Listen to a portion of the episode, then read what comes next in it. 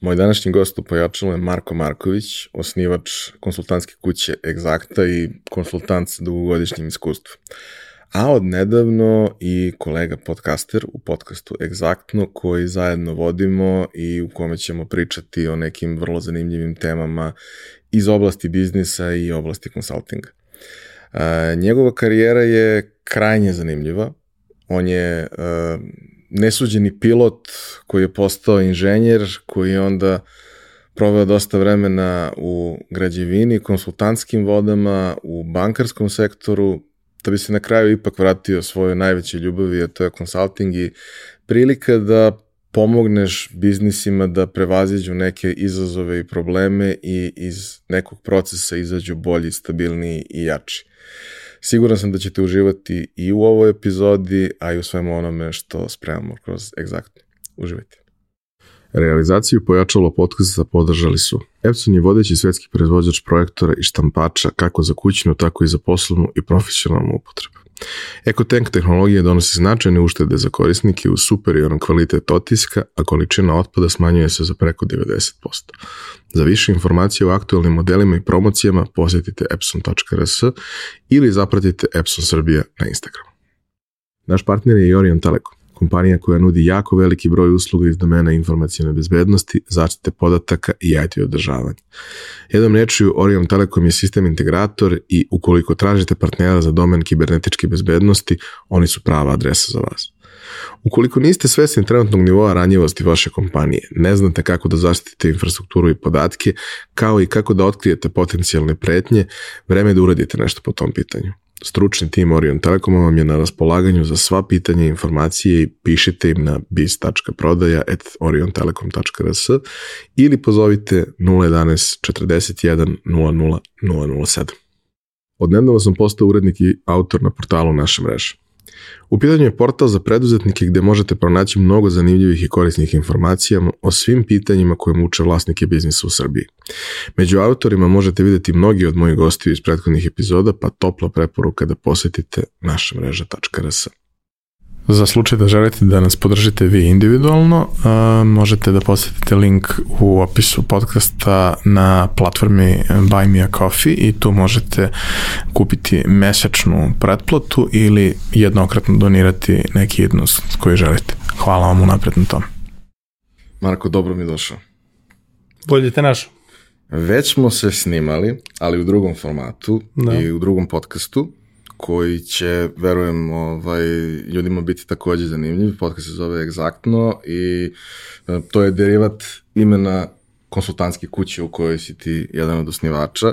Pričat ćemo svakako o tome, ali da napomenemo ljudima da je i to jedan nedeljni kraći format o biznisu i konsultingu i svemu tome što e, čime se vi bavite, a što je i meni jako zanimljivo, pa imamo dobre, dobre ovaj, teme za razgovor i dobru dinamiku. Mm -hmm.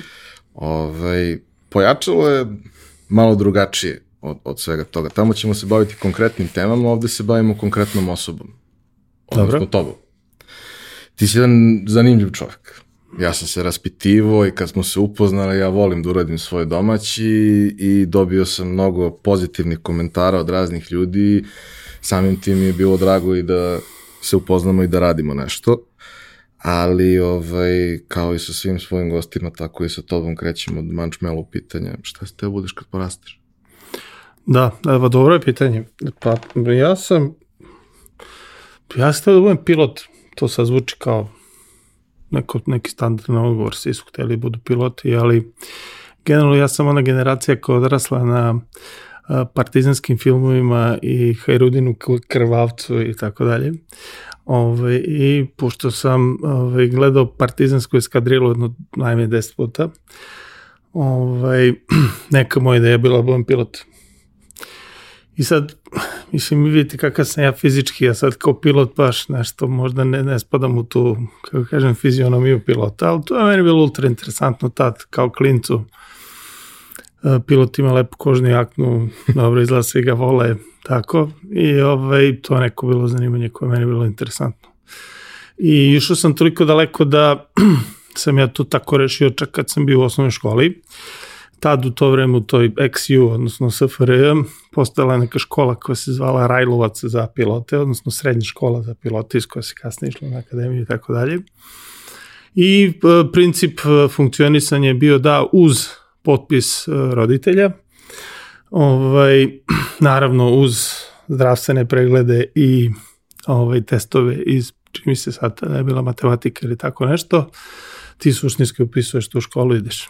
E sad, pošto ima Ćala bio vojno lice, ovaj, a negde me verovatno mnogo bolje poznavao nego ja sebe, ovaj, on je bio izračito protiv toga da ja idem u tu neku vojnu strukturu. Okay? I ja sam lepo uzio i falsifikovao njegov potpis. I pošto sam ja falsifikovao taj njegov potpis, ovaj, došao sam do toga da sam ja kao primljen u ovaj, kako se taj Rajlovac. Ali ono što je generalno ono, igra sudbine je da je njegov uh, klasić, odnosno drugar sa klase koji je otišao u pilote, bio tamo direktor ovaj, te škole, odnosno komandant, kako se to kaže. On je uh, prepoznao Marković, pozvao je mog pokojnog oca Davida i rekao, vidi, bravo, tvoj sin dolazi ovaj, da bude pilot u Rajlovac i to je sve super. I tu sledi jedan ozbiljan razgovor s mojim ocem. Ovaj, taj razgovor kaže, dobro, vidi ovako, mogu ti oprostim to što si falsifikovao potpis, aj kaj snašao si se, mogu ti oprostim to što te to baš tako jako zanima. Ali, ovaj, ne mogu ti oprostim to što hoćeš Bože vojno lice, a vidi ovako, znaćeš u jednom trenutku koliko sam ti uslugu činio sad što sam ti izbacio sa tog spiska. ja sam bio ljut na njega, u katastrofa. Mnogo sam bio ljut. I ta moja ljutnja generalno i taj neki kao propušten propuštena prilika da ja ostvarim svoje ono, kao deč, dečačke snove da budem pilot, imam kožnu jaknu na koja ona, brown pa me svi vole i ostalo onako izgleda kao neki ono, aj kažem SFR Top Gun ovaj se negde završava u mojoj glavi onog trenutka kad sam ja prespavao prvu noć u kasarni ovaj, kako se zove kad je počeo vojni rok. I neću pričati o vojnom roku, jer to su priče za nas matore koji imamo to kao mi smo služili vojsku, pa sad ono te priče nekako se produže, ali ja mogu samo da kažem da sam ja u okviru tog svog vojnog roka uspeo da uh, uh, odbijem da budem desetar, uh, da budem pokazni ukupno 65 dana uh, požarni u autoparku i da završim dva puta u uh, oni su to zvali zatvora, to je stvari pritvor, ono kad ti skinu petle, hajiš opartače i sve ostalo, pošto je za mene vojska iz perspektive autoriteta bila potpuno neprihvatljiva. Ovaj, tako da sam tad, za tih godinu dana, koliko je to tad trajalo, bio beskreno zahvalan mom ocu što ću izdržati samo tih godinu dana i ne više u toj nekoj strukturi. Eto, to je neka priča koja kaže, ni, nisam bio pilot i dobro je što nisam bio pilot. Ja se sećam toga ovaj, na, na onim prvim rekrutacijama i sve prolaziš sve testove, onda imaš ono psihotest koji popuniš, pa sa većinom se ne obavi razgovor, a s nekima se obavi razgovor, naravno sa mnom se obavi razgovor i kao znate, vi imate problem sa autoritetima. Ne, nemam nikakav problem sa autoritetima. Pa ne znate, ali ovde kažete da ne znam, ako komandir kaže da vi nećete raditi, da. Pa kao kako ne, pa on nije autoritet. Da. Šta, zašto je on da. autoritet? On je nametnuti autoritet. Pa kao, znate, ali nije to baš tako. No dobro. Da, da. Ovaj... To su oni, postoje formalni i neformalni autoriteti. I uh, pravi autoritet je onaj koji je neformalni autoritet. To znači ja ga nemam po zvanju, ali ga imam po znanju ili ga imam po tome ko sam ja. Neformalni autoritet. autoritet ili prirodni autoritet je taj koji generalno pravi razliku. I to, ne, to je ona razlika između pričat ćemo o biznisu naravno mnogo više u egzaktnom podcastu, ali suštinski to je prava razlika između lidera i menadžera. I to je ono što generalno mnogo ljudi ne razume. Ne možete budete lider na način da budete autoritet tako što to što piše na vašoj vizit karti ste vi. To ne znači ništa. Slažem se. A, osim ideje da budeš pilot, da. šta te još zanimalo? Uf, svašta me nešto zanimalo. Znači, posle to je pilotske priče koja se neslavno završila, ovaj, ja sam rešio da budem moj Tesla. Pošto ovaj, me jako interesovala elektrotehnika i tako to sve što je vezano za, ovaj, kako se zove, ajde da kažemo te neke prve IT stvari koje su se dešavale, ovaj, kako se zove na tom tržištu, pojavili se prvi oni Pentium računari i sve ostalo, tako da sam to ja zamislio da ću da, da radim i onda sam rešio da upišem elektrotehnički fakultet iz dva razloga. Jedan razlog je a, bio sam odličan, ne Vukovac, ali odličan ultra, onako, ovaj, jak žak, pa je bilo prirodno da idem na težak fakultet, to je jedno. A drugo, to je tad bilo ultra popularno, jako teško da se upiše i sve ostalo, pa to za mene bio challenge. E, postoje samo jedan problem, a to je ja sam išao u elektrotehničku školu da bi mi bilo lakše i da bi se lepše provodio, jer su to 17-18 godina kad se izlaze i tako dalje. Ovaj, išao sam u Rade Končar i nisam baš imao neko znanje. Ovaj, pošto nisam imao neko znanje, trebalo je da se spremi matematika i fizika i spremao sam matematiku i fiziku tako što sam je spremao 5 dana pred ispitni rok. Ja sam ja mislio da je to sasvim dovoljno, jer sam ja u Končaru imao pet iz fizike, pet iz matematike, bio sam dobar, to super. I to se završilo tako što sam bio drugi ispod liste. Ok, i nisam upao na elektrotehniku, tad je prijemni bio uh, svi zajedno tehnički fakulteti, prvi sledeći mašinac, na mašincu sam ok, idemo na mašinstvo i ja sam upisao mašinstvo. I nije mnogo daleko. Pa nije mnogo daleko, on, što se tiče uh, lokacije tu je, ali što se tiče toga šta se tamo uči, ovaj, uh, za mene mašinstvo pre dve godine bilo apsolutni pakao. Ovaj, zašto? Zato što se tamo, ne znam, ja sam stara škola uh, studiranja u Srbiji, mašinski materijali, prva godina, uh, 26 kolokvijuma da bi mogu da izađeš na ispit pa onda tako dalje, tako dalje. Pa ne znam. Ovaj profesor, onaj profesor, sve o svemu ja sam izgurao te dve godine, ovaj, uz tešku muku, pao matematiku pet puta dok je stvarno nisam učio, pao otpornost materijala devet puta na kolokvijumu da bi, na ispit, da bi izašao na ispit i tako dalje, tako dalje. I na kraju se doče po te treće godine kad se ide u neki smer i izaberem taj smer koji suštinski ono što ja i danas radim, to je industrijsko inženjerstvo, odnosno organizacija, procesi i sve ostalo. Tako da generalno ovaj, tek sam negde sa tih nekih 18, 19, 20 dovoljno sazrelio da znam šta ja u stvari ovaj, uh, hoću da radim i šta ja, u čemu sam ja u stvari dobar. A kaži mi, ta ono, inženjerska osnova koju, koju si dobio na mašincu na, na prve dve godine, je li imala ikakvu upotrebnu vrednost? Naravno, i dan danas ima.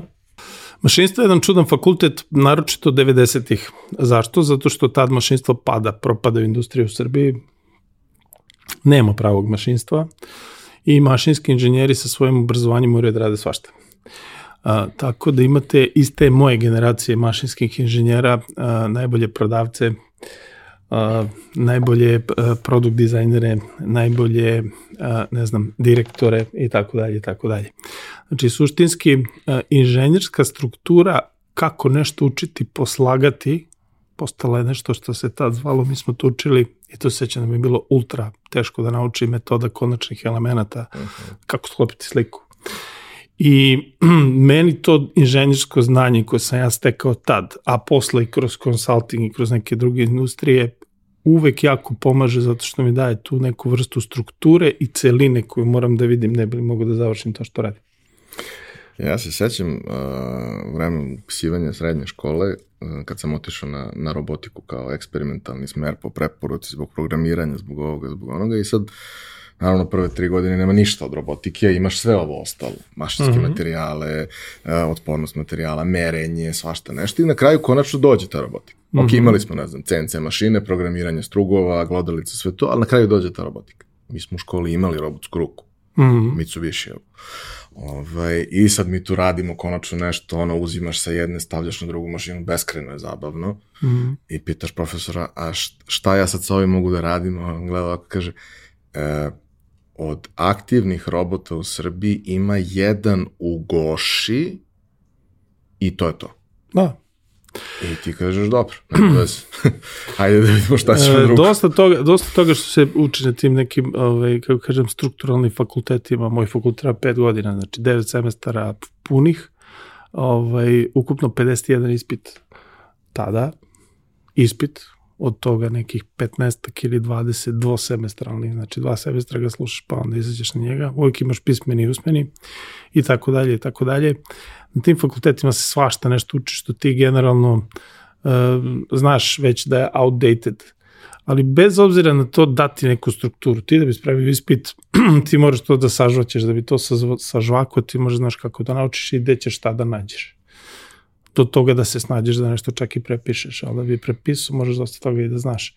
Znači, e, suštinski to daje neku određenu strukturu koja je ultra, ultra, ultra, ultra bitna. E sad, da li je outdated? Jeste. I dan danas jeste.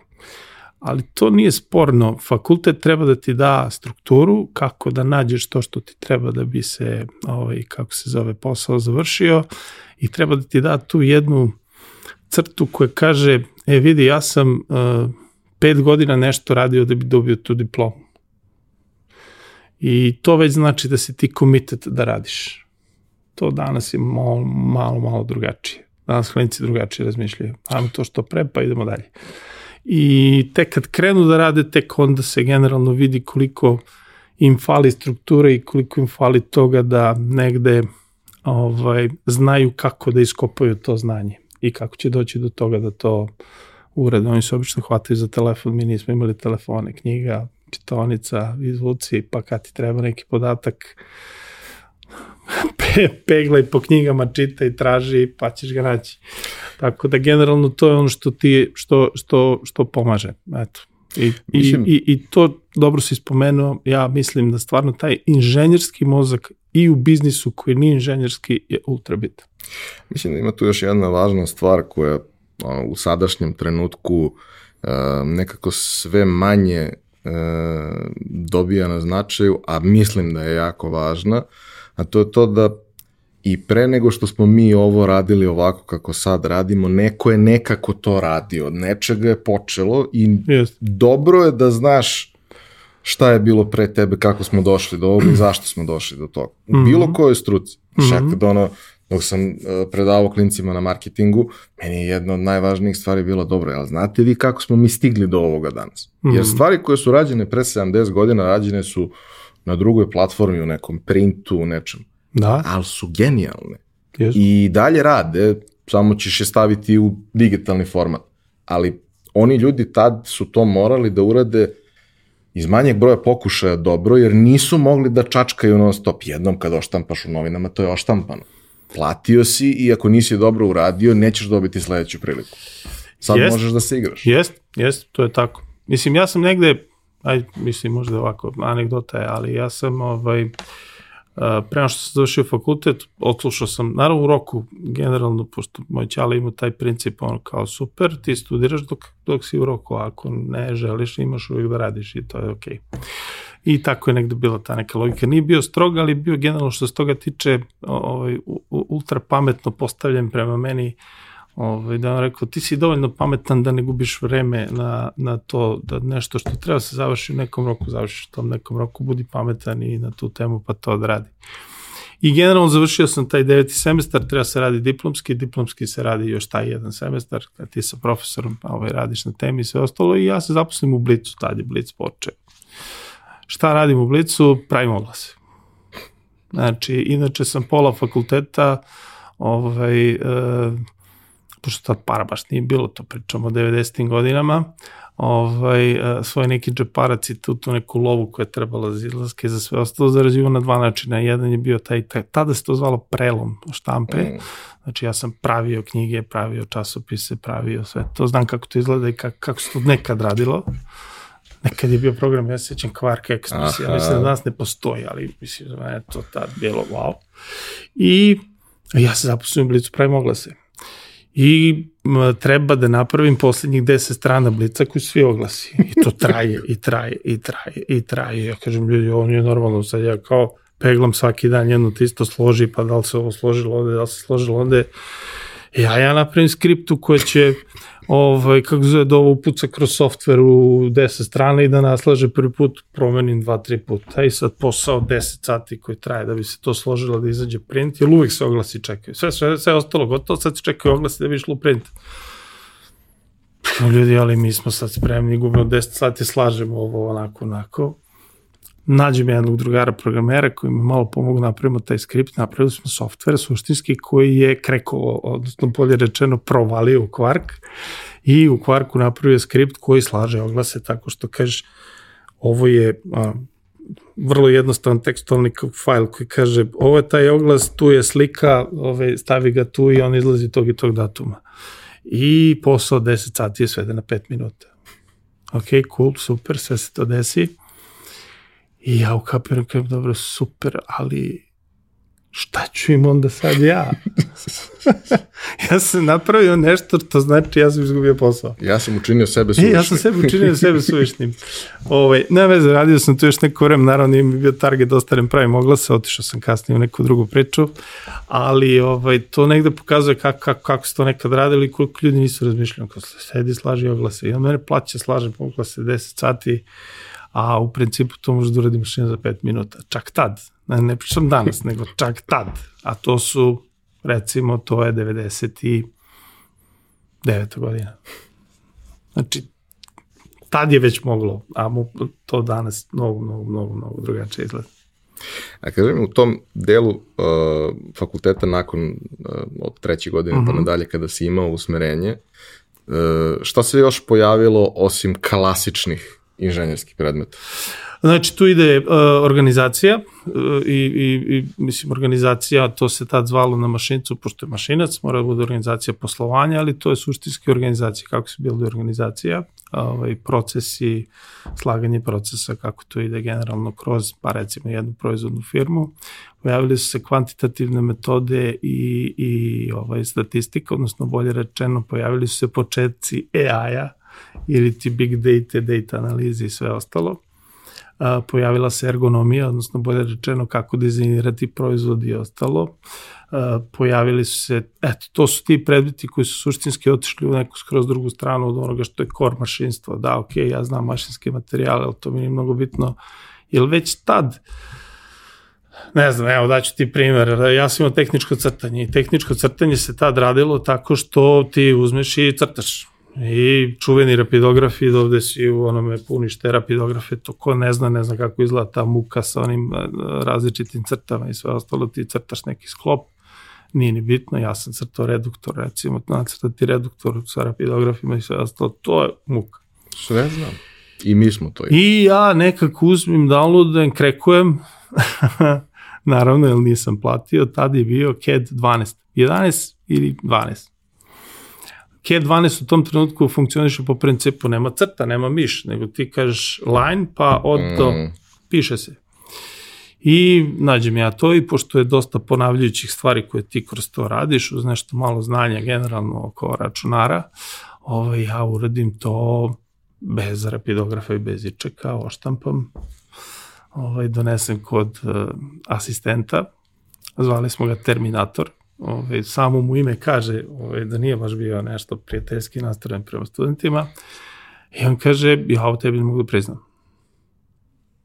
Što ti meni to ne možeš priznaš? On kaže, pa vidi, nisi nacrtao onako kako je definisano u pravilima kako mi radimo, kao nema rapidografa, nema ništa, a i kaže, vidi, fali ti rupe šestara. Jel kao ovo se sa šestarom radi? Ja kažem, da, ali ja sam radio na računaru. Pa ne može da bude rupa šestara, jer da li, ne ne, i ja to završimo na tome, nema rupa šestara. I ja uzmem, ovaj, to je sad onako učionica u kojoj mi sedimo, u prvoj klupi sedi moj drugar, ja uzimam šestar i na mestima gde je trebalo da bude ovaj, rupa od šestara, izbodem rupu. I kažem, je li sad okej? Okay? A on kaže, pa nije okej, okay, nisi radio onako kako je trebalo. Pa ja kažem, ja s tim ne slažem, hoću pričam s profesorom, idem kod profesora, profesor opet ista priča, ne, mi ne priznajemo to da se radi na računaru, ja kažem super, hoću da idem kod prodekana za nastavu, odem kod prodekana za nastavu, srećem je tad prodekan za nastavu bio ajde da kažemo, dovoljno otvoren ka tehnologijama, pa je rekao, mi ne možemo našim studentima da zabranimo da koriste tehnološke inovacije. Tako da sam ovaj, na mašinicu tad probio da može da se crta u AutoCAD-u. Što je negde pokazatelj koliko oni umeju da budu striktni i onako, ono, too much uh, u tome. I naravno, kada izađeš iz toga, onda ulaziš u neku skroz drugačiju priču, profesori, ne znam, pokrajac koji, ja mislim da je sad već ovaj, uh, pokojni, nadam se mi neće zameriti, ovaj, mislim da jeste, on je bio uh, taj koji je recimo predavao ekonomiju, to je fenomenalno radio na jednom tehničkom fakultetu, skroz krajnut od sveta, zato što je to nebitan predmet, ali on je to predavao s takvom onako željom, snagom i, i, i voljom da generalno ovaj, je nas koji smo bili na tom smeru dosta toga naučili na tu temu. I svi ostali profesori koji su bili, kako kažem, začetnici tog nečega što kaže, pa nije mašinstvo, odnosno nije tehnika samo to, ono, alati i sve ostalo, nego je i to kako će to da se uradi, odnosno kako će to organizacijalno da se sprovede. A mislim da je to možda najvažnija stvar koja najčešće nedostaje našim inženjerima. U IT-u su oni uglavnom samo da. uki, priučeni na neki način, a to je ta struktura i ta sposobnost sagledavanja šire slike kad imaš strukturu, to možeš. Kad nemaš strukturu, ti vidiš ono što radiš i to je to. Ne, ne znaš baš kako to utiče na neku širu sliku ako je više ljudi u timu. Da je to, ono, kada stalno pričamo da nedostaje produkt ljudi u, u toj industriji, a i u ostalim, upravo to što nema dovoljno tih ljudi koji razumeju kako sve funkcioniše i umeju da upravljaju time. Pa da, ako uđemo sad u tu neku IT industriju, tu možemo da otvorimo milion tema, ali suštinski ono što fali uvek u IT-u je prevodilac. Ja ga zovem prevodilac. To nije prevodilac, to je suštinski biznis analitičar. Ili neko koji kaže, ja prevodim to što biznisu treba na tvoj IT jezik da bi ti to mogu da napraviš. I a, suštinski jako su redki ti ljudi, te ljude treba izvući iz organizacije, mora da ima tehničko predznanje da bi znao šta mora da uradi u IT-u, a s druge strane mora dobro da razume biznis. I ovaj, to je ono što jako često fali. I to je ono što generalno jeste ta spona, ok, super, ja znam to da isprogramiram, ali šta treba da isprogramiram, ja to najčešće ne razumem. I to je negde problem i to se svodi na to i naša, nažalost, IT industrija koliko god sad po svim tim pokazateljima ide u izvozi, ide u sve što kaže ovaj, rastemo, rastemo tamo da ne treba, nemamo puno proizvoda, uglavnom outsourcujemo. Pa pravimo isto grešku koju pravimo i poljoprivredi, da, ne izvodeš malinu, aj napravi nešto drugo od maline pa izvezi to sa nekom dodatnom vrednošću. Da, ajde makar da dođemo do poluproizvoda, pa ne, da lagano makar dalje. do poluproizvoda, ili da smisliš neki proizvod. I to je negde taj problem što uh, tržište jednostavno nije toliko razvijeno da bi to negde bilo uh, moguće istrpeti, odnosno bolje rečeno te firme koje rade outsource rade to iz čistog profita i onda idu na to, idemo na volumen. Uh, a s druge strane nespremne su da investiraju neki proizvod, jer pitanje hoće proći s jedne strane, a s druge strane to jako košta. E, ali m, mm, to ne donosi velju. I to je onaj, kako kažem, problem sa kojim ćemo mi, naročito u IT industriji, morati da se borimo, jer outsource pada. Lagano, ali pada. Ne, ne, ne donosi dugoročnu vrednost. Ne, Kratkoročno možeš da napraviš neki profit i sve to u redu. Tako ali... je, pa čak iz neke pro, uh, programerske priče, nemam pojma, ja sam programirao pre x godina i sad više nisam programer zato što ne znam da programiram, ne znam React, ne znam, nemam pojma Node, ne znam, nisam učio Python, mislim, možda, možda bi mogu, ali više se time ne bavim, ali uh, suštinski jedno je kad si ti klinac 20 godina ili 21 ili 25, nije ni bitno, a drugo je kad si 50 i ti sa 50 treba da učiš sve novo i da ispratiš i ostalo, tu negde potroše se ti ljudi i generalno ono što, što jako često u tom nekom programerskom svetu oni taj bridge između toga da sam ja sam sad programer, pa sam ja iza toga neki arhitekta sistema, pa sam iznad toga onda možda čak i biznis analitičar ili neki ko razvija proizvod. Taj razvojni put generalno jako često ne postoji. I onda dođemo do toga da oni nekako čekaju penziju s time da i dalje rade u, pa ne pojma, Kobolu, ili se to radi u firmi, ili rade u nekom Delfiju, koji je on relikt, ili tako? Tako da, to Dosta to. često postoji taj problem da u suštini, ako si dobar inženjer, dobar programer, ti imaš dva načina da napreduješ. Jedan je da se usavršavaš usko stručno u tome, tehnički, da, da. gde često nema uslova zato što nema dovoljno kompleksnih projekata, drugi je da ideš u nekakav management, zašto većina ljudi nema sklonost i mhm, sposobnost. Mm -hmm. Mogu možda neki, sjajno, super, ali mnogi su primorani da idu na tu stranu ako hoće da napreduju, a to im jednostavno ne ide i to je mučenje i za njih i za ljude koji menadžuju. Da, da, imaš uh, sjajnog inženjera i pretvoriš ga u jako lošeg menadžera. To je malo klasična greška, to se dešava. I to ono što generalno većina firmi radi. On kao treba da dobije veću platu, da bi dobio veću platu mora da bude direktor ili mora da bude menadžer. I onda ga postaviš da bude menadžer i prvo ti nemaš dobrog menadžera, izgubio si dobrog inženjera i dobio si nesrećnog radnika. Tri problema u startu. I to je ono što generalno se dešava, ja to gledam svaki dan. Isto. A, pošto nisi hteo da slažeš oglase Da, u beskonačnost, Jeste. šta si hteo da radiš? Ovaj, pa, aj, završio sam mašinstvo i onda je bilo logično da ću se bavim ovaj, mašinstvom, odnosno ću da, da projektujem. Da, kao to je nešto što bih hteo da radim. I a, a, preko veze, naravno, jer drugačije se tad nije moglo zaposliti, ja se zaposlim u CIP. I tad se zaposlim u CIP. CIP je projektantska ovaj, kuća koja generalno ima to neko mašinsko odeljenje. Opet skrajnuto, jer mašinci rade jedan određeni deo, a rade jedan uski deo u kome ja tek kako kažem, ne da me nije interesovalo, nego mi je bilo ni na kraj pameti, neću time da se bavim, a to su grejanje, klimatizacije. Završim ja u tom cipu nekako i tad su u tom trenutku, pošto pričamo o 2000. godini, posle bombardovanja pravi nešto što se zove Direkcija za obnovu zemlje. Direkcija za obnovu zemlje je jedna mala grupa ljudi, a, 15 klinaca, ovaj, Mrkonjić koji to vodi, ovaj, i par tih direktora koji su tu bili da potpisuju umesto Mrkonjića. Da budemo jasni. Ok? Znači oni su bili tu da potpisuju umesto njega. I nas 15 klinaca koji vodimo projekte u Srbiji, vodimo obnovu zemlje. Mislim, ja kako kažem, kad, sam, kad su me prebacili tu, ovaj, ovo nije normalno, mislim, ova zemlja je definitivno, ako nas 15 klinaca koji sede u jednoj kancelariji, uspud ima dva računara, ovaj, treba da vodi obnovu zemlje, onda zemlja neće bude obnovljena, nego mi odosmo, bože me sačuvaj. I sad tu kao ja došao, seo, opet iz iste perspektive, kao šta ćemo da radimo, uh, on, čekamo na red da dođeš do računara da bi nešto kao radio, ja uzmem, sklopim par strana, napišem i kod Mrkovića direktno u kancelariju. Kaže, mali, šta hoćeš ti, jesi normalan, kako ti kod mene u kancelariju, ja kažem, vidi ovako, ovo ovako ništa ne valja. Pa, kako, kako tu misliš ništa ne valja? Preko, šta mi ovo radimo? Šta, mislim, kao mi nešto vodimo, vi nemate pojma šta se ovde dešava.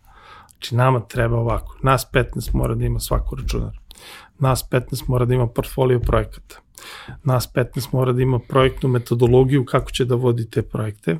I mi moramo da uvedemo softver za praćenje projekata. Pome gleda, kao ti nisi, bre, kakav softver, kakvi računari, šta ćeš da radiš. Šta ti treba? Pa, rekao, treba mi pare, treba mi računari i treba mi jedan vikend da to postavim i treba mi da naplatiš licence za softver, jer taj softver ne možemo da krekujemo. Taj softver se zove Primavera i dan Sećam danas je top u, u tom nekom projektnom managementu. I on kaže, ajde radi. Super, ja to sve prihvatim, idemo mi da radimo, kupimo mi te računare, sami razlačimo mrežu. E, mrežu razlačimo u zgradi e, železnice stare, e, železnica stara, pošto smo imali oko dve, tri kancelarije spojene, onako, pa je to neka vrata, ali jeste kao open space, ali nije open space, mreža mora se provuče između zidova, je tako, da ne bi bila baš da visi svuda. Prvi problem na koji smo nališli je zid između dve kancelarije pola metra. Bušili smo dve noći. I, i naravno postavili smo neki rek, nešto, sećam se onako sve postavimo mi, ta, mi tu mrežu, dignemo mi to za vikend, nedelja veče, treba istestiramo mrežu. Kako ćemo da istestiramo mrežu, nemamo software, šta se radi na mreži? Pa, dele se fajlovi, dobro, ok, to je dosadno, delim fajl, imam centralni fajl, to nije ništa. Mi dignemo Quake. I istestiramo tu mrežu da nas savršeno radila, zato što smo između nedelje ovaj, veče i ponedeljka ujutro igrali Quake na toj mreži. I generalno ta mreža koja je služila za poslove vezane za obnovu zemlje je istestirana tako što smo mi ovaj, imali pa sad x kilova generalno svako od nas. Tako da eto, to je, to je, to je ta neka priča, počeo sam da radim u, u, u tome, postavlja opet neku kako kažem, e, neki drugačiji način rada. Nisam se nikad plašio da odem kod nekog ko je menadžer, ko je tako kao strah i trepet i da kažem mi ljudi, ovo ne možemo, kaj da uradimo tako, da probamo to da uradimo na neki drugi način. I tu smo naravno uradili taj uh, Primavera. Primavera je pratila sve projekte i mi smo te izveštaje koje su se radili na mesečnom nivou i slali posle u vladu ili šta god, umesto tih nekih 15 dana koliko je njima trebalo da ih rade, radili za neki sat vremena. I svi su bili oduševljeni. Tako da, eto, to je, to je, to je ovaj, taj neki početak. Kasnije su se zidali neki stanovi, pa smo pravili neke softvere za prodaju tih stanova, za svašta nešto tako, tako ali u principu tu sam naučio ovaj, svašta nešto o tome kako neke stvari treba da funkcioniš, kako postaviti projekat, kako dići, dići nešto niš čega, kako se snaći, kako ovaj, strukturirati i da bi sve to uradio morao sam puno da učim, puno da radim i da radim na sebi, da bi te neke stvari koje nisam znao, a rekao sam da znam ovima šefovima da ću da uradim, ovaj, onda sedneš naučiš pa uradiš. Eto. Čak i kad znaš nešto, ono, knjiški, prošao si kroz to, moraš da prođeš u praksi kroz to da bi zapravo video kako to stvarno funkcioniš. Da, naravno, mislim, mora se proba. A da bi, da bi došao do toga da probaš, možda da ga uradiš, tako da, mislim. Dobro, znači kao svaki pravi inženjer, bio si prvo malo u građevini. Da, kao svaki pravi e, inženjer bio sam malo u toj uh, građevini i uh, ta direkcija za obnovu posle 5 oktobarskih promena se pretvorila u građevinsku direkciju Srbije. Znači, više ne obnavljamo, nego sad gradimo. Cool. Građevinska direkcija Srbije radi stanove, radi infrastrukturne projekte, radi tako svašta nešto i mi smo opet ista ta ekipa, samo sad u drugoj kancelariji, selimo se iz one zgrade sa po pola metra, idemo u drugu zgradu ovaj, na bulevaru gore na nekom, ne znam ja, desetom spratu u onoj staroj Lolinoj zgradi, ako znaš koja je u pitanju, preko puta biblioteke, ove univerzitetske biblioteke. I ja sam tu bio negde u doba, ono, kako kažem, te neke e, e, neverovatne energije koja je nastala posle 5. oktobra i te prve Đinđićeve vlade. Tu smo mi svašta nešto radili, ovaj, otvorili neke internacionalne projekte, uh, povukli neke evropske pare za, ne pa sad, ne znam, izgranju graničnih prelaza, svašta nešto. Ovaj, tu dolazi jedan novi direktor, posle jedne onako, ajde da kažemo, tranzicione vla, ovaj, uh, uprave. uprave, da, dolazi direktor koji stvarno zna nešto o tome i ja kao klinac, ja sam tad, pa opet kažem, to je 20 mojih 26-27 prilike, aj recimo do 28. Ovaj, e, s tim direktorom bio isto tako potpuno otvoren šta može, šta ne može, i me postavio board. Znači, sede ono, četiri matorce i ja. I on me proglasi za direktora razvoja. Šta radi direktor razvoja? Pa juri projekte. Šta je direktor? I ja sam jurio, ja sam jurio, ju, ovaj, kako se Amerikance, tad nije bila Evropska komisija ili šta god, tad je bio neki EAR, to se zvalo, ne znam, e, specijalna institucija od koje su mogli da se povlače pare za neke projekte. Radio sam IT, postavio opet isto mreža, softveri, document management sistem, sve onako kako se to knjiški radi i tu sam svašta nešto ovaj, e, morao da naučim i morao da uradim. Ovaj, izvežbo se na ovaj, kako kažem, na živim stvarima kako se to stvarno radi, ali portfolio te firme bio stvarno dosta, dosta veliki. Znači pričamo o hiljadama stanova koji se recimo zide u tom trenutku tri granična prelaza od sa budžetima od po 20 miliona evra i tako dalje.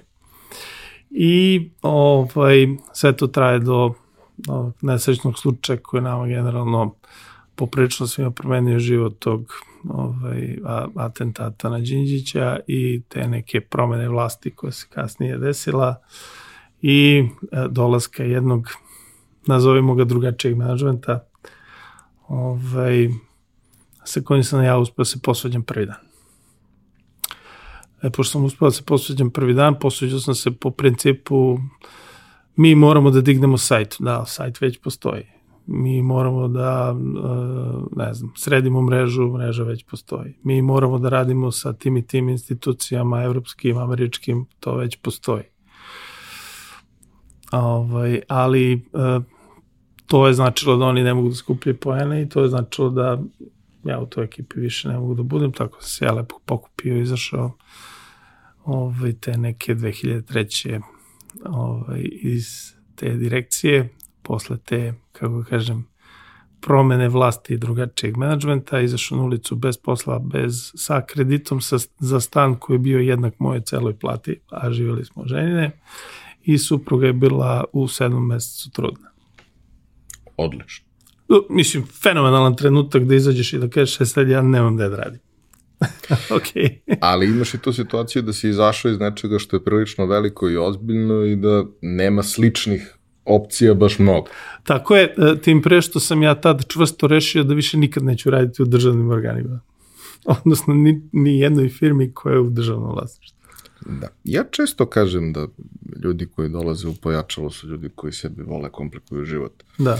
Tako da mislim da si do sad već prilično pa, objasnio. Da, da, da. Mislim, ja sam tad stvarno ovaj, izašao iz toga, ušao u neku potpuno desetu industriju, pošto sam posle toga uzeo da radim opet nešto potpuno novo, iz neke priče znao sam ovaj, tog jednog mog prijatelja koji se bavio mobilnim telefonima, to su početci mobilnih telefona, da se razumemo, tad se mobilni telefoni u Srbiji prodaju isključivo na crno i ovaj, prevoze se tako što u kutiji televizora su kutije od telefona i tako dalje i tako dalje. I projekat koji sam ja s njim dogovorio je da uredimo dve stvari.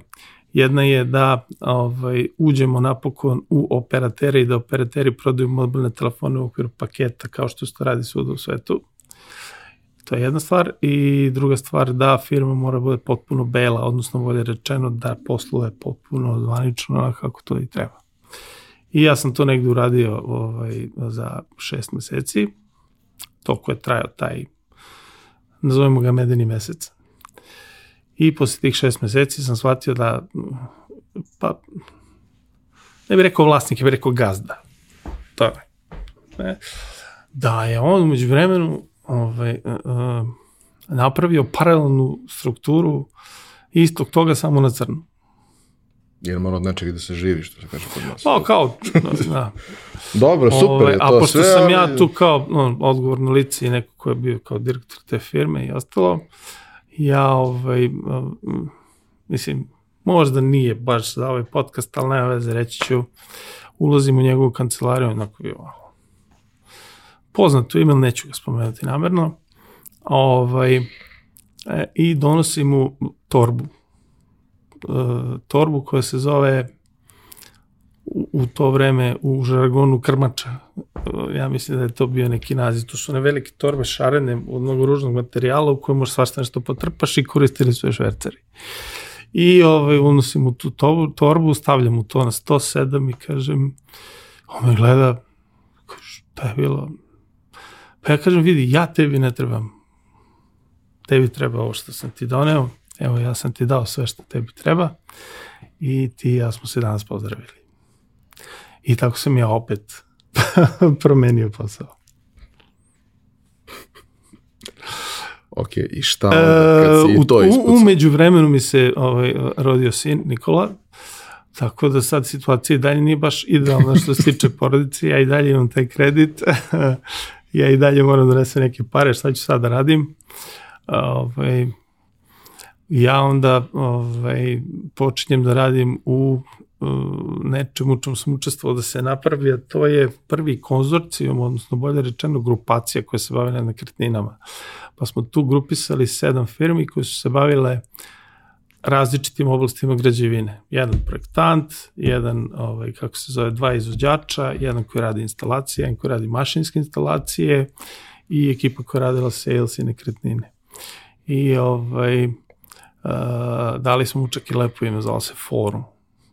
E, ovaj, a pošto su oni međusobno bili onako ko je tu glavni, ovaj, ja sam čak učestvovao u tome da napravim kancelariju koju su se dešavali ti sastanci usaglašavanja, funkcionisanja tih sedam firmi, ovaj, tako što sam na centar te jedne prostorije koja je bila kvadratnog oblika, postoji okrugli sto.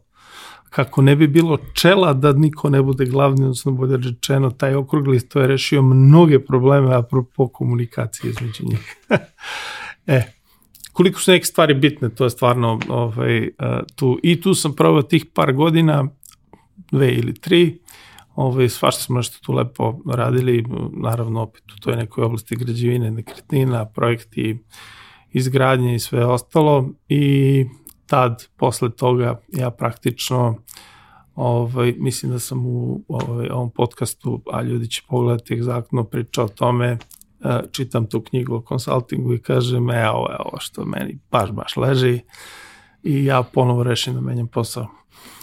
I ovaj, jedino ne znam kako je supruga izdržala sve to i kako me je, kako kažem, ovaj, podržavala u svemu tome što radim, ali jeste. U svakom slučaju, kad god sam rešio, kaže me, ok, vidi, ne, sad ovo više nema stabilnosti, nema ništa, Osi, on, ona sve vreme na toj nekoj stabilnoj plati radi svoj posao, a ovaj, ajde ti idi dalje i onda sam ja otišao u konsulting.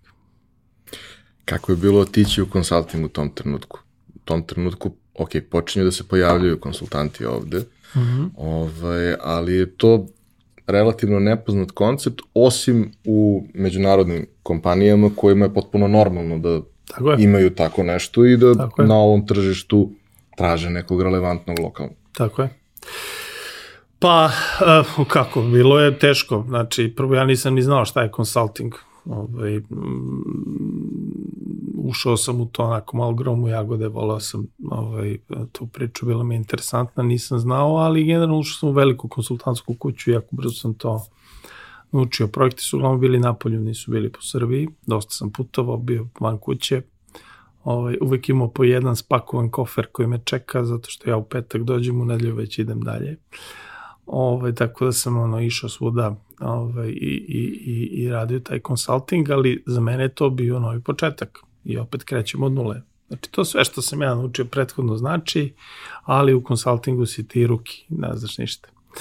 I kreću nešto što je wow, onako, dosta ozbiljno, strukturisano i taj neki moj drive, ta neka energija koju ja, ja ne znam dakle, ovaj, umem da izvučem, ali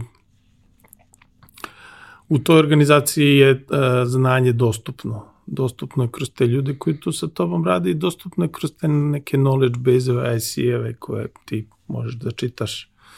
I ovaj, sećam se da nisam baš nešto pretarano puno spavao u tih prvih dve, tri godine dok sam radio consulting kako bi što više toga pročitao i što više toga naučio.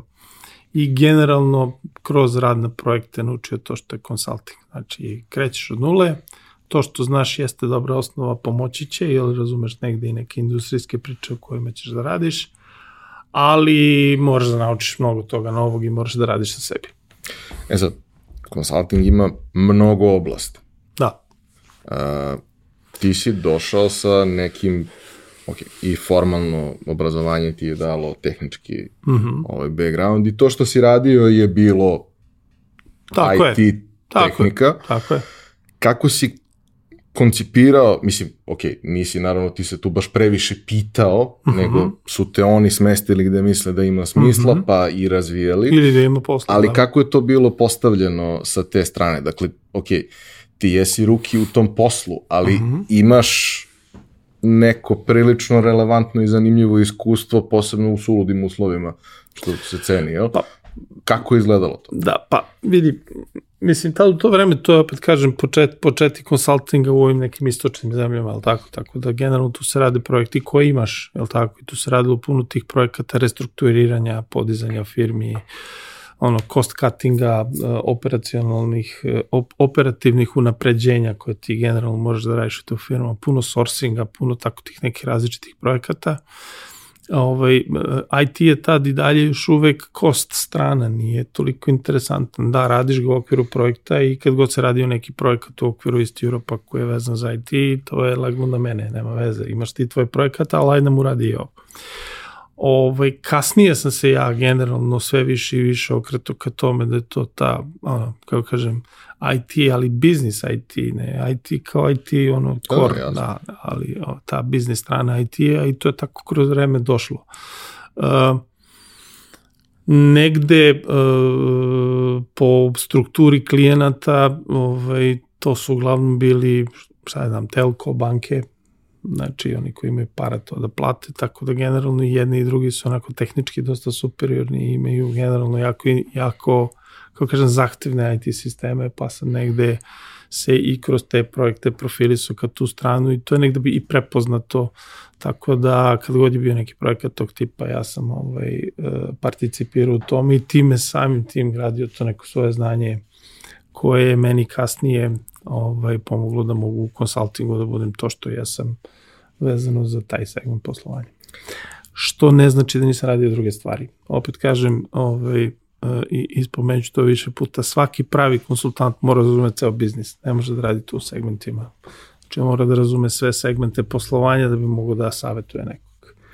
E, vole bi da na neki način približiš možda i anegdotalno ovaj, kako je izgledao taj proces ne učenja, uh mhm. -huh. nego prosto kako si ti shvatao neke nove stvari, jer postoji taj moment kad ti učiš, upoznaš i u jednom trenutku se otvori nešto novo, potpuno.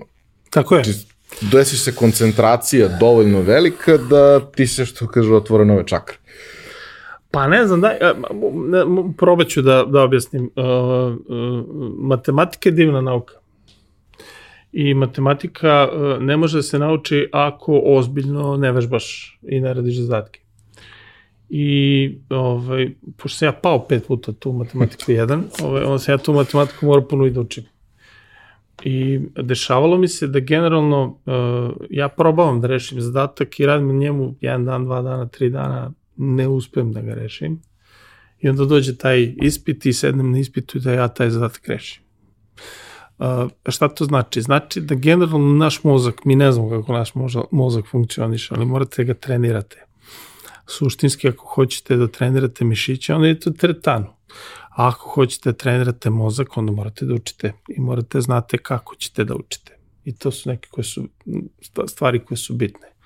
U konsultingu je to građenje tog nekog znanja step by step, step by step, uz pomoć svih tih nekih ljudi koji su tu oko tebe, ali uh, postoji trenutak tog ono, wow efekta koji kaže, e, ja ovo napokon sve kapiram. Dođe taj trenutak kad je mozak ono, došao do te varijante, uh, kao što, ne znam, išao sam u teretanu ili ja sećam, ja sam volao ko ovaj, klinac i ono, dok sam bio dosta mlađi. Ja igram i danas, ovaj, volao sam da igram basket. I negde mi je cilj bio kad sam krenuo da igram basket, ovaj, da mogu da zakucam sa dve ruke iza leđa. I trebalo mi je godinu dana da dođem u, u, u, u kako kažem, i fizičku i tehničku i bilo kakvu varijantu da ja, ne znam, u toku basketa uspijem zakucam iza leđa ovaj, sa dve ruke. E isto to važi i ovde. Znači mora puno da se radi, puno da se gradi, puno da dođe do toga da se suštinski dođe do toga da tebi na jednom pukne sve i sve ti je jasno. Ali dođe. Ali taj moment je fenomenalan. Mm. Taj moment je super, zato što ti onako, kažeš, je vidi, ja na, ovo je stvarno, meni ovo je jasno ko dan. Još jedna stvar koja, kada radiš ovaj, consulting i kada si zadužen posebno u tim nekim procesima restrukturiranja firmi ili bilo koje vrste tranzicije i sve, ti si došao sa gomilom nekog znanja i mm -hmm. iskustava koja su negde dokumentovana pa si ih ti usisao u sebe, ali to je sve u redu, to nije to na terenu sa tim resursima koje imaš i da to može da se uradi samo šablonski kako mm -hmm. negde piše, uradili bi oni to i sami. Mm -hmm moraš da razumeš osim da imaš to znanje, moraš da razumeš potpuno okolnosti, resurse i sve ostalo i moraš da se ti prilagođavaš i da, da. tražiš načine kako nešto može da se sprovede, odnosno da, da kažemo, izmisliš novi recept na bazi svih tih nekih starih za svaki pojedinačni slučaj. Uh mhm. -huh. Kako to izgleda? Odnosno, šta su neke specifičnosti na koje si naletao? Šta su neke stvari koje su ti tu bile kao posebno zanimljive? pazi, tu ima, ono, kako kažem, hiljadu priča različitih. Ti kad uđeš u firmu, ti tek tad vidiš s čim imaš posla. Naravno, analizirao si ti, uradio si ponudu, pogledao si, sve to super, ali tek kad uđeš unutra i kad kreneš da radiš s ljudima, vidiš s kim imaš posla, pod broj 1, pod broj 2 koliko može I pod broj 3, kako ćeš ti da prilagodiš to što negde donosiš kao novo, da bude nešto što je isprovodivo tu, da ne bude nešto što si ti sad ono kao super, ja sam rekao, sad ćete vi da budete top, ne možete da budete, vi ste negde tu gde jeste. I ono što je jako bitno u konsultingu je da se ograničiš. Zašto? Zato što ne možeš nikad sve da uradiš, a klijent bi volao sve da mu uradiš. I onda mu prodaš projekat koji je procesi, a on bi da mu to uradiš i organizaciju i prodaju i ne znam ja šta sve ne. Znači, prvo je bitno da ograničiš taj scope, odnosno okvir, krug u okviru koga ćeš ti to da uradiš. To je broj jedan. Uh, broj dva, uh, koji je ultra bitan je šta ću da deliverujem. Na početku projekta ja moram da znam šta ću da deliverujem klijentu i to mora bude jasno iskomunicirano. Treća stvar koja ti je ultra bitna na projektu, ona se često tokom projekta menja, to je takozvana stakeholder mapa. A stakeholder mapa kaže ovo su meni ključni ljudi sa kojima ja ovo moram da sprovedem da bi dobio buy-in. Okay? I ta stakeholder mapa ne mora da bude jednaka organizacijonoj mapi. Jako često postoje ovo što sam rekao, neformalni autoriteti koji su mnogo bitniji da bi se ta neka stvar sprovela u okviru firme nego što je sam direktor ili sam strukturalni menadžer. Je tako? I to je ono što je tu uh, suštinski bitno. I ima još jedno zlatno pravilo, a ovaj, to će moji konsultanti ovaj, vrlo dobro da znaju uh, ovaj, i da se sete, jer koga god sam ja negde treniraju od čega da bude konsultant, uh, postoji jedno zlatno pravilo koje zove GEMU. A to GEMU pravilo je, je, je akronim iz ovaj, engleskog Good Enough Move On. Nikad ne može da bude savršeno, znači možda znaš dok li ćeš da ideš i uh, sve to mora da se sklopi tako da klijent to na kraju prihvati i da imaš taj buy-in onoga koji ti je praktično tražio tu uslugu. Suštinski kad kažeš buy-in, to znači da se oni odrede ka tome da, oni da kažu, su spremni da, da se mi ovo hoćemo da radimo i mi ćemo to da uradimo tako. To je buy-in. Uh, ja nikad ne idem na steering committee pre toga da znam da će na steering committee svi da kažu ovo je super. To znači da sam pre toga pripremio kompletnu ekipu to što ću da prezentujem, oni već vrlo dobro znaju i neće biti iznenađenja na samoj prezentaciji. Na samoj prezentaciji, pošto jako često nema puno vremena i sve ostalo, postoje neka, kako kažem, rizična mesta.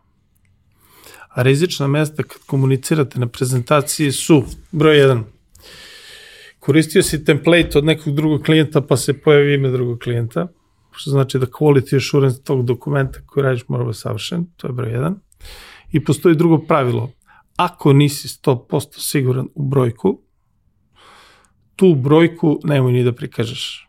Ili bolje rečeno nemoj da komuniciraš. Jer jedno pitanje koje kaže, ali ja ovu cifru ne vidim ovako jer vam nije tačna, generalno ti ruši kompletan koncept. I ima treće pravilo, koje nije baš tako, kako kažem, konvencionalno, ali kad lažeš, ili bolje rečeno, kad uh, uh, nešto ulepšavaš predstavljaš, istinu. ulepšavaš istinu, onda moraš konzistentno da lažeš. Što znači lažeš na svakom mestu gde se to pojavlja. Eto. Ja, dobro. ovaj, e sad, uh, rad na internacionalnim projektima podrazumeva i ono, ulazak u neka nova okruženja, u drugačiju poslovnu kulturu i sve ostalo. Sad kapiram da jeli, istočna Evropa je relativno slična sa svojim specifičnostima. Mm -hmm. Ali šta si primetio, jer i dalje pričamo o zemljama koje su u tom trenutku mahom na višem stupnju razvoja od nas koji smo stagnirali da, 20 godina. Da. Kako je to izgledalo? Uf, pa jako interesantno. Tu sam svašta nešto naučio o tome kakvi su ti profili. Ja generalno ne volim ljude da spakujem u te neke, kako kažem, bakete, pa sad kažem, e, ovi su ovakvi, oni su onakvi. Ali generalno tu postoje dosta, ovaj, uh, kako kažem, nekih pravila. I, i, i onda možeš da znaš kada kad radiš sa Poljacima, oni su fenomenalno pametni, ultra brzi, uh, ultra inteligentni, sve super, ali ovaj, ima jedan problem, to je da mogu da piju pa su obično na projektima najproblematičniji moment je to kad oni završe to što se radi na konsultingu ovaj, tokom dana sa klijentom negde do 8, 9, 10 uveče i onda, ovaj, onda oni kao ekipa, a vole zajedno da idu da piju, ovaj, završe negde ovaj, po ulici pa ih ti skupljaš i vodiš ih ponovo kod klijenta. Recimo, to je jedan od ovaj, interesantnih problema. Uh, svi su drugačiji, Rumuni su drugačiji, Bugari su drugačiji, svi imaju taj neki, kako kažem, taj istočni flavor kod tih zemalja koje su bile ispod Rusije više nego što smo mi bili je toliko vidljiv da je to prosto nevarovatno. Ono što je meni bilo iznenađenje je da ja nisam, koliko god mi bili to kao ono, manje napredni od tih, kako kažem, zapadnih uh, ovaj, zemalja, u konsultingu ekipa iz Istočne Evrope ni, ni po čemu mogla uh, bila, uh, kako kažem, inferiornije u odnosu na tu neku zapadnu ekipu. I to je negde, kako kažem, i, i, razlika se pravila samo na tom bajasu vi ste istočna Evropa ne postoji razlika u tome da li sam ja dobar konsultant ako dolazim iz Srbije ili obrnuto. Da li je on dobar konsultant ako dolazi iz Holandije ili iz Nemačke. Ne, na projektu smo isti i na projektu generalno ne postoji ta neka razlika koja je u startu, kako kažem, iz nekih razno raznih predrasuda takva. Pa čak i kod klijenata. Znači, ja ako dođem kod nemačkog klijenta i u pitanju je nemačka banka, a ja sam konsultant koji je Srbin, on će u startu projekta imati bias u odnosu na mene kao došao je Srbin da mi objašnjavaš da ću ja da radim. Tek kad znanjem i onim što pokažeš prevaziđeš tu priču, tek onda ti generalno dolaziš na neku istu, istu ravan kao i, i, i, i ostali. Kulturološke razlike su ogromne, to je definitivno uh, i rad u tim nekim multinacionalnim kompanijama je pravo blago zato što ti suštinski upoznaš i neke ovaj, drugačije kulture i drugačije kako kažem drugačiji način života, drugačije razmišljanja, tako da je to onako jednostavno fenomenalno. Ali ja sam najviše volio da radim u projektima da ima nas 5-6, od nas 5-6 bude, ne znam, jedan Nemac, jedan Belgijanac, jedan Holandjanin, uh, uh, jedan Rus, uh, ja iz Srbije i bude i Slovenac. Ok? I to je negde onako baš, i te stvari se onako dosta dobro uklope. Opet, u istoj si priči, na istom si mestu, isti ti je delivery i ta neka kulturološka razlika se onako relativno brzo popegla i relativno brzo dođe na, na, na, na isto. E, mi koji gledamo to sa strane, koji smo bili eventualno ono nekakva vrsta eksternog saradnika na nekim projektima za, za, za velike konsultantske kuće. Uh, gledamo to onako malo fenomenološki, kroz neke kliše i, i, i kroz neke ovaj, pojedince, uh, ali čini mi se nekako da je svaka od velikih konsultantskih kuća specifična u nečemu u svom pristupu. Ok, sve one pokrivaju sve, zato što je to prosto takav posao da ti kada dobiješ jednog klijenta u nekim situacijama će te on angažovati za sve, u drugim će ciljano za različite stvari uzimati različite konsultante. Mm -hmm. ovaj, ali uh, kako iz tvog ugla to deluje? Ne, svaki, uh, svaki consulting, pogotovo veliki, ima svoj watermark i to je definitivno tako. Znači, zna se da je McKinsey ono top tier za strategiju i za banking. Radi se to i u Karniju, radi se to i u BCG-u, radi se to i nekim drugim mestima, ali oni su top tier i sad to se zna da su oni, ne znam, Mercedes. Ok? To recimo za Karni globalno gledano, sad ne pričamo o nekom lokalu i ono što smo mi radili, ali globalno gledano, ako se priča o operationsu, sourcingu, procurementu, tom segmentu, tu je Karni top. A ako se priča o IT-u, ne znam, i sve to što je vezano za te neki operativni IT setup, pa čak i solutions, onda Accenture taj koji je top. A ako pričamo o digitalu, recimo u zadnje vreme, on se zna da je BCG taj koji je top. A ako pričamo o nečemu što je top, top tier consulting koji kaže evo da se radi baš na nivou strateškog borda sa odlukama koje su globalne i sve ostalo, onda je Bain taj koji je top. Znači, i definitivno svaki od njih ima neki svoj flavor ja volim da, da, da, da kažem da generalno uh, ti se negde uklupiš u to, obučeš tu neku uniformu i ta neka uniforma te nosi. Ja i dan danas kad radim consulting najviše volim da pogledam to što je Karni radio zato što negde taj stil i to nešto što sam ja ponao iz sebe je generalno ostalo kao neka crta u meni, je tako? Ne radim na taj neki McKinsey way. Imam to drugačije razmišljanje. Sad kad bi seli ovde, sad mi dovedeš pet konsultanta, ja ne znam ove, u kojoj su oni kući radili i iz nekog razgovora daj mi sat vremena, ja ću reći tačno koje iz koje kuće došao. To je toliko prepoznatljivo da je to prosto onako nevjerovatno. Ja, ima dosta mimova, ja pratim dosta stranica koje se šale na račun svega toga i beskreno je zanimljivo to. Pa jeste, zato što ti ga, ti, ti, ti ga prepoznaš, ne znam, McKinseyevca prepoznaš u startu, ne možeš, ti možeš da ga prepoznaš pod, pod držanjem. Znači, možeš i definitivno, i to je tako, i oni tako se i driluju, zato što ih mlad, e, mladi ulaze u to, ali tako, on ulazi kao neki, onako, ne znam, završio fakultet ili master, ili tako, i onda ulazi u priču. MBA, šta god. Znači, ulazi u priču i kreće. Od biznis analista pa kreće dalje, pa dođe do menadžera, pa dođe do toga i onda postane partner. I kad postane partner, on njihovi partneri su ko jaje na jaje. Tako liče. Ozbiljno, i to je tako, jednostavno je tako. E, sam... ja sam imao drugi problem, što generalno iz onog istog razloga iz koga mi ona vojska nije prijela zbog nekog autoriteta, koliko god consulting nema nekog autoriteta u smislu neke jasne hijerarhije, opet ima neka korporativna pravila koja su onako malo stroga. E, i ta neka stroga korporativna pravila, uključujući neke komunikacije koje ja primenjujem u svom svakodnevnom životu, znači ja nemam problem da opsujem, nemam problem da uh, generalno taj neki razgovor spustim na neki nivo kako što ti ja pričam, bez obzira što direktor sad, nemam pojma, ne ja, najveći banki u Srbiji, ok, cool, ali na istoj smo, zvao, zvao si me da ti pomognem, idemo da, da ovaj, to radimo. Me, ja sam tu imao tu vrstu problema, to broj jedan. Broj dva, taj bajas prema tome ti si ista, ja sam je vidljiv bio, je tako? Tako da bi ja da bi postao partner u toj kući iz Eastern Europa morao sam da budem onako, nemam pojma, ja da se deset puta više namučim nego što bi se namučio Nemac, tako. Ovaj, jel ti kad postaneš partner dobiješ svoj portfolio. Portfolio jednako toliko bilinga moraš da doneseš. Ja sad ja iz Srbije, iz, iz lokala, ne, ne mogu donese toliko para kako može da donese Nemac u jednom gradu na jugu Nemačke recimo.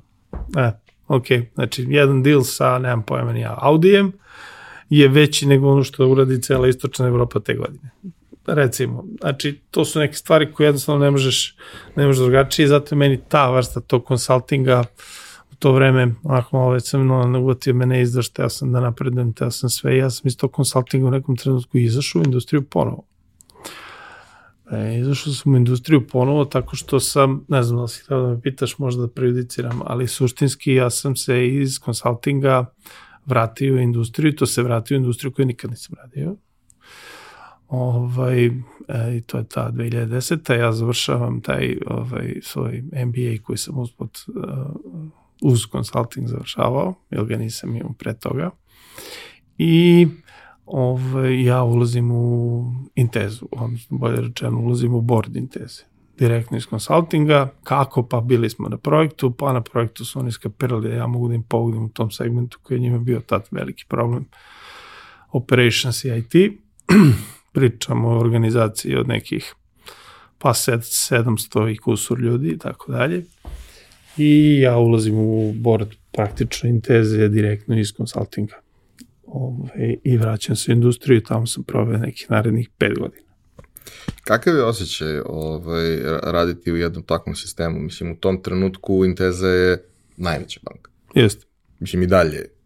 Ovaj, I ima svoje dobre strane, ono, kad analiziraš i pričaš sa ljudima, mi smo radili neko istraživanje, kao i dalje je glavni argument za većinu ljudi gde imaju račun zato što im je ekspozitura najbliža. Mm -hmm. Mislim, to će se promeniti i menja se već sada, ali kao, mm -hmm. jebi ga, to je ljudima najlakše. Mm -hmm. A ako je banka najveća, ima najveći broj ekspozitura, vrlo verovatno će najvećem broju ljudi biti najbliža. Ali prosto to je ono, jedan sistem koji je tom trenutku čini mi se malo zaglavljen u nekom raskoraku između tradicionalnog bankarstva, neke digitalizacije, gde za to previše si malo tržište, nemaš baš neka ni rešenja, ni vendore, neke stvari koje možda rade u Italiji ili na nekom većem tržištu ovde ne mogu da rade ili mogu uz mnogo prilagođavanja ili su mnogo skupa. Da. Znaš, kao kakva je, kako ti vidiš za početak dolazak u tu industriju i to stanje zatečeno u industriji i poziciju? Pa da, pa dobro, pa, pazi, ja dolazim u, u, u banku u nekom trenutku kad Da, kreće digitalizacija, digitalizacija tek u povoju, IT jeste bitna komponenta, ali i dalje cost centar, ništa drugo nego trošak. I tako ga i gledaju i tako i posmatram u celoj toj priči, pa sam ja tu dosta svojim nekim načinom rada i svojim laktanjem i nameštanjem u okviru organizacije uspio da to podignu na neki mnogo više nivo ovaj, nego što je to tad bilo ali tad počinje tek digitalizacija. Postoji i banking koji je postavljen tako kako jeste i ide se sad sa tim prvim M-bankingom koji je radio, to mi je bio jedan od prvih projekata koji sam tamo radio i uh, iz pozicije Inteze to izgleda super. Ovaj, vi zovete vendore koji to mogu da urede i onda krećemo od cifre od miliona evra da bi se to napravilo pa onda dođe drugi vendor koji je konkurencija, pa on kaže ja ću to uradim za 500.000, pa onda dođe treći vendor koji kaže ja ću to uradim za 250.000, a onda na kraju dođe opet onaj prvi koji generalno ima najbolje rešenje u tom trenutku i kaže ja ću ovo da uradim za, za džabe samo da bi imao intezu u portfoliju. I ti dobiš džabe banking. Ok, ta pozicija znači. Sprovesti to kroz banku nije lako, ne vide, ne vide to, tradicionalni bankari su onako dosta inertni. Ja često, ja puno pišem tekstova razno raznih na razno raznim mestama, umem da ih potkačim na tu temu da su onako, kao kažem, inertni i da digitalizacija, naročito kod nas u bankingu ide dosta sporo, a generalno ide dosta sporo i globalno ovaj, u, u tom nekom banking sektoru, s tim što negde na zapadu su oni pod pritiskom finteka uspeli da negde, kako kažem, ono, sebe dovedu do nivoa da su daleko bolji u tome nego što smo mi. Druga stvar, naše okruženje mnogo toga ne dozvoljava u digitalu da se uradi. I dalje postoje ti uh, kako kažem, ta regulatorna ograničenja koje Narodna banka ne dozvoljava da bi se to tržište razvilo kako treba i da se te neke stvari otvore onako kako treba. Tako da to su onako, kako kažem, uh, to je jedna ozbiljna borba sa vetrenjačama u tom trenutku. U tom trenutku Intezi uh, je ono dobar setup, oni su prvi, najbolji su, ovaj, e, mi smo top, board je ovaj, odličan, svako radi svoj posao kako treba, ovaj, i ide se u neku, kako kažem, digitalizaciju i neke, neke dodatne investicije u IT koje su se tad desile, koje su suštinski onako dosta dobro urađene. Da bi se to uradilo, vi morate u suštini dobijete tu neku kritičnu vlasu, odnosno bolje rečeno da u jednom jako ozbiljnom korporativnom svetu koji je jako težak u smislu tih nekih odnosa i onoga što se dešava po bankama, jer banka je onako jedna ume da bude čak i dosta toksična sredina ovaj, morate da dobijete tu kritičnu masu ljudi koja je spremna da sprovede neke vrste promjena koje nisu ni malo lake. A pričamo i o industriji koja je kod nas izuzetno tradicionalna u tom trenutku. Tako, pričamo o industriji koja je tradicionalna i koja generalno i dalje je bankar bankar.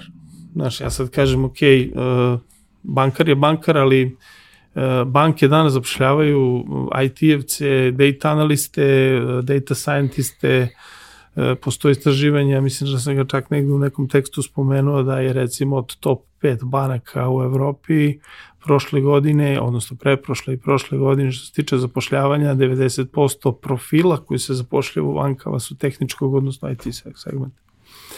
To se generalno skroz drugačije vidi. Ekspozitura je već ozbiljno prevaziđena. Z generacija neće uđe ekspozitura nema šanse, to je pa jednostavno neprevaziđeno. Čak i kartica kao takva je za njih, oko šta će mi plastika, daj mi na telefonu.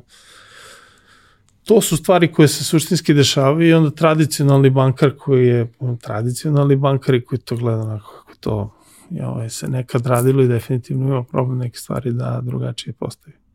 Vidi, meni je utisak, pričao sam o tome ovaj, ovde i sa Markom Carevićem, sada iz Ananasa, nekada iz Telenor da, banke. Da, Marko je dizao Telenor banku, da. da. Koliko su oni zapravo, iako je taj projekat, ako gledamo iz sa, iz ugla bankarstva neuspešan jer nije poleteo kao banka, koliko je zapravo pogurao tržište napred jer su uveli neke stvari koje niko drugi nije imao, pa sad imaš i druge bankomate koji primaju keš, koji mogu da ti zamene valutu, koji da. mogu svašta nešto da urade i ja razumim zašto to nije menjano.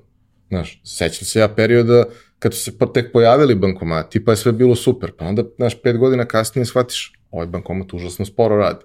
Da. I to nije sprava od 3000 evra, to je jest. sprava od 40.000 evra i nije baš lako promeniti. Pa jeste, ja sam imao projekat jedan koji sam hteo da uradim da ti generalno na šalteru nemaš ono, pare, ja tebi dam ti meni pare, nego to se sve radi preko jednog automatskog ovaj, šaltera koji generalno prima znači pare na osnovu toga šta će da uradi onaj na na šalteru, to košta. Jedno mesto to je koštalo u tom trenutku 30.000 evra, naravno taj capex nema šanse da potrošiš.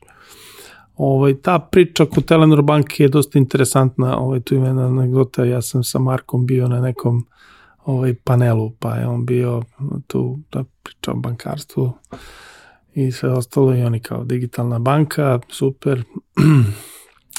ovaj, I on kaže mi ćemo da napadnemo velike banke i sve ostalo. I ja kažem, op, to je lepo, ali ovaj, koga vi imate klijenata? I ovaj, Oni u tom trenutku imaju klijenata koliko imaju, to su uglavnom klijenti koji su bili klijenti Telenora, pa su otvorili račun uz ostalo, pričamo nekim, ajde nekoliko hiljada ili ne, ajde neke istotinu hiljada. Banka Inteza u tom trenutku ima milijon i osasto hiljada klijenata. I sad ja kažem, super, ti si digital, ti si inovativan, uh, ja trenutno radim na istome tome, šta misliš ko će da uspe? Ja ću mojim klijentima dati digital, ali oni su već moji. I to je ono što je generalno jednostavno tako, ono trenutka kad ti imaš veliko cust, veliki customer base, ti možda ga cross-selluješ i da mu upgradeuješ uslugu tako da uvek možeš da odgovoriš na konkurenciju tog tipa. Ono gde e, suštinski treba challenge-ovati banke su ti neki servisi koje banke rade spori, koje ne mogu da urade kako treba i koje su generalno opet nedostupne dosta na našem tržištu. Ne znam, Revolut ne možeš koristiš kod nas a, a, a mnogo bolje radi neki payment nego što bi ga radila bilo koja banka.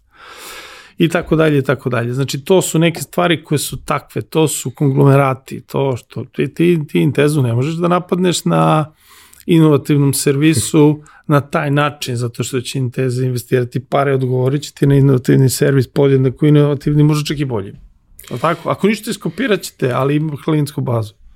Ne, jedna stvar koja je tu meni bila jako interesantna, ovaj, kada sam Inače. Marko jako lepo radi taj posao tad. Mhm. Da. I napravili su sjajnu stvar. Da. Ovaj, ali jedna stvar koja je meni tu bila interesantna, je naravno ne, nisam se razumeo u industriju i dalje se ne razumem u tu industriju, to mi je ono, fenomenološki volim da pratim, ali imam prijatelje koji su konsultanti u toj industriji i sad mm. sedimo, pričamo i kao ne znam, u tom trenutku izlazi informacija za koju znam, sarađivali smo, znam da je tačno bilo da imaju 250.000 korisnika. Što je lepa cifra, znaš. Jeste. Ovaj, međutim, tada već duže vreme se priča o tome da kao biznis korisnici, biznis korisnici i svi ono jedva čekamo da jer bi onda mogli da koristimo i bankomate i sve ostalo. Naravno bilo bi problema jer meni i dalje za neke stvari treba pečat u banci na nekoj... Da, ovaj, pečat i potpis je kao pečat ovaj, kao takav ukinut ovaj, zakonom o, o, o privrednim društvima, ali da, da, da. I sad, ovaj, sedimo i pričamo, on kaže, ovaj, taj, taj prijatelj kaže, ne, ne, ne može ovo da uspe nikako, znači nema trika. A kao što? Pa zato što oni pokušavaju telko princip da primene u industriji koja nije telko. Ok, neobanke rade na malo drugačiji način, kao sve ovo ostalo, kako ti misliš tačno da funkcionišeš ako nemaš biznis korisnike i njihov kapital sa kojim radiš sve ostalo? Ja sam gledam kao, pa dobro, ali oni imaju, sad pustili su, ne znam, kredite, one neke za, opet za kupovinu telefona i slične stvari. Pa kao da, ali to su sve smešne pare. I tu jednostavno nikada neće biti ništa, posebno što sve vreme ono, ljude prikupljaš na ideju da su uh, troškovi transakcija ili nepostojeći ili minimalni ti jednostavno nemaš gde da zaradiš. Mm -hmm. A nemaš kritičnu masu para sa kojom nešto možeš da radiš, pa da od nje napraviš nešto. Sad, uh, zašto to pričam? Uh, kakav je, uh, mislim, ti si sada u poziciji u kojoj si radiš sjajne stvari sa svojim timom, ali e, jako mi je važno da na neki način, pošto ti to stvarno umeš, objasnimo ljudima šta je bankarski biznis, mm -hmm. pošto niko ne kapira kako to funkcioniše. Mm -hmm. Ljudi vrlo pogrešnu percepciju imaju o tome mm -hmm. od čega banka živi. Mm -hmm. Pa bi volao da ti to probaš da objasniš. Da, ajde probam. Ajde, a probat ću da ga objasnim tako da bude onako za široke, ne za bankare. Da. Pošto ja nisam bankar, ali jako dobro razumem bankarsku ovaj, strukturu. I nikad nisam ni volao kad mi kažu ti si bankar, nisam bankar, ja nisam nikad, ja sam ono tehnik, ja sam inženjer, tehnika, ja, ja sam inženjer, ja radim neke druge stvari, znam o bankarstvu, ali nisam bankar, ok? To mi je nekad bio plus, nekad mi je bio minus. Ali nema veze, nije ni bitno. Evo, ako probam da objasnim kako radi banka. Banka je uh, jedan od najjednostavnijih biznisa koji postoji. Ok? Uh, banka uh, radi po principu preuzimanja rizika. Ok? I taj rizik pokušava da minimalizuje. Uh, zarađuje na više različitih načina primarni način kako banka treba da zarađuje i kako zarađuje tako što daje kredite. Banka kredit naziva proizvodom i ona praktično prodaje to kao proizvod. Ja tebi pozajmim pare i ti meni te, vraća, te pare vraćaš sa kamatom, ja zarađujem od kamate i suštinski to je jedan izvor prihoda. Ako ti ne možeš da vraćaš taj kredit, onda upadaš u taj takozvani MPL, odnosno nenaplativo potraživanje i tad se taj rizik koji sam ja imao kad sam tebi dao novac ostvario i on generalno mora da bude pokriven nekim, nekom vrstom depozita, odnosno nekom vrstom rezervacije da banka bi bila likvidna. Je tako? Znači banka zarađuje pod broj 1 na kreditima, tako što da kredit, za to uzme kamatu. Okay? odakle banci pare da da taj kredit, pa tako što ima neki određeni kapital, na konto tog kapitala ona se zadruž, zadužuje kod drugih finansijskih organizacija, to je broj jedan. I broj dva, ona a, ima depozite svojih klijenata. Ti depoziti svojih, ti, svojih klijenata se kažu pa ja tebi dam moje pare, ti meni daš neku kamatu iz banke, ali tako, to je neka bila štednja ili kako god jako često ti su depoziti sad pali na jako niske cifre, ali ja se sećam recimo kad sam ja došao u Indezu, kre, uh, kamata na depozite je bila 7,5%. Znači onda godinu dana, ok? Znači, ali, ali je kredit bio 15,5, je li tako? Da.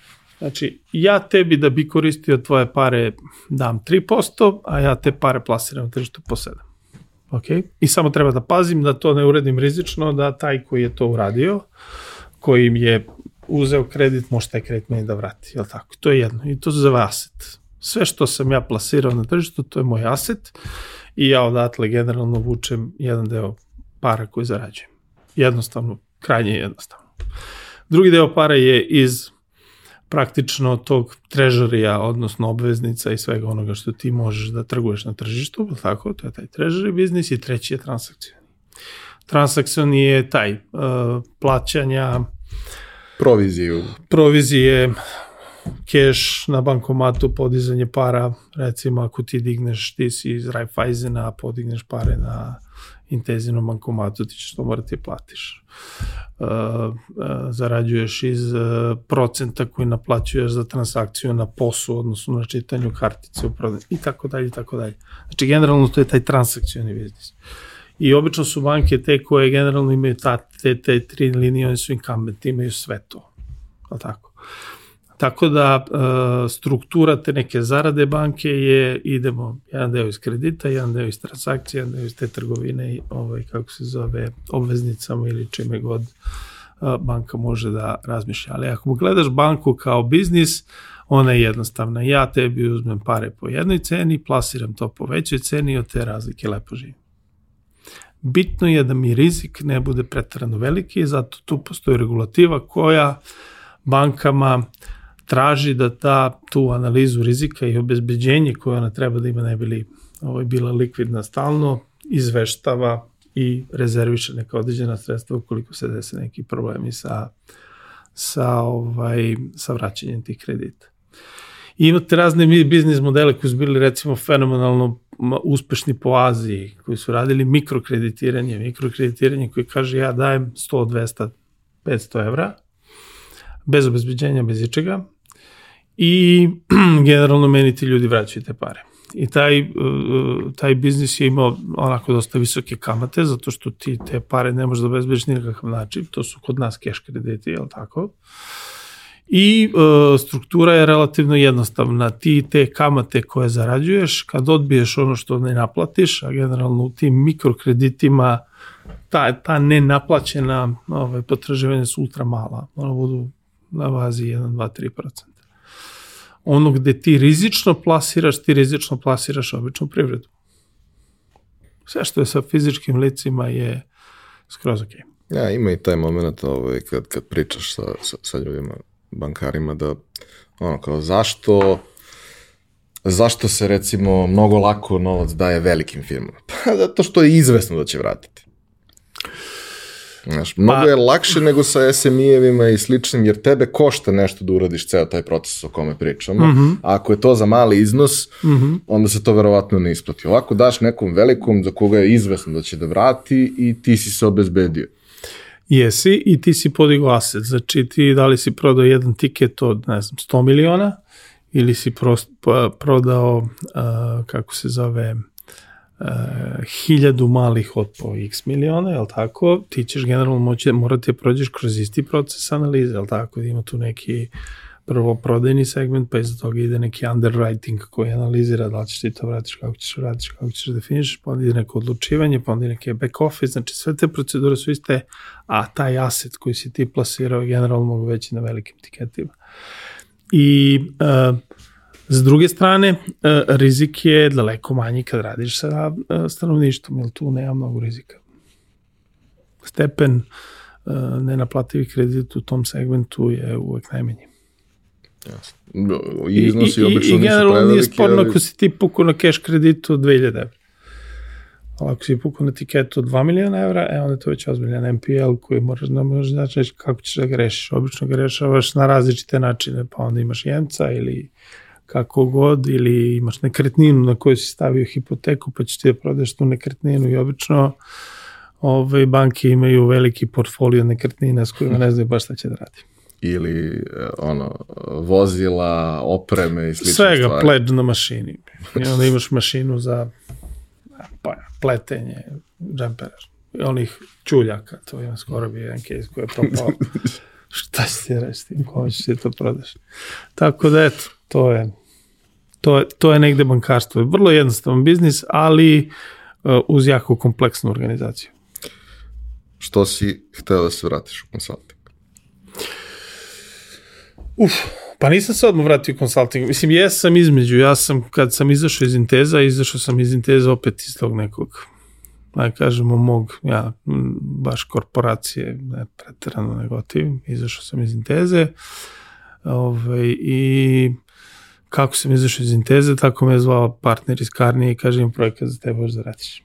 Ja kažem, ajde, super, uzmem projekat u Crnoj Gori, Deutsche Telekom, ovaj, odradim ja taj projekat 3-4 meseca i kažem, ok, aj, super, ovo sam uradio one time, ne mogu opet sa vama, to mi je muka. Ovaj, idem ja opet u industriju i odem u Telko. Odem u SBB, ovaj, tamo sam bio nekih 2-3 godine. U SBB-u opet dobio hiljadu ljudi sa sve tehničkom organizacijom, prodajom i tako dalje, tako dalje. Tamo sam ono, godinama slagao procese u, firmi koja je jako brzo rasla i bila užasno nestrukturirana na temu kako se neke stvari rade, postavio to kako treba. Ovaj, e onda su i oni rešili da budu poprilično korporativni, pa su mi malo pa ja kažemo dosadili. Više ja nisam nek, imao neki izazov, pošto je taj, taj, taj, taj tek biznis ultra jednostavan. To je, postaviš infrastrukturu, izgradiš, zakačiš, streamuješ, nema tu mnogo neke, ne znam, nija ovaj, pretranog izazova i taj consulting me već to vuko, ja se posle toga vratio u Karni, ponovo, opet su me zvali, to neka moja sigurna kuća bila godinama, kako, kako dakle izađem, izađem, oni mi sutradan zovu, ajde radiš nama.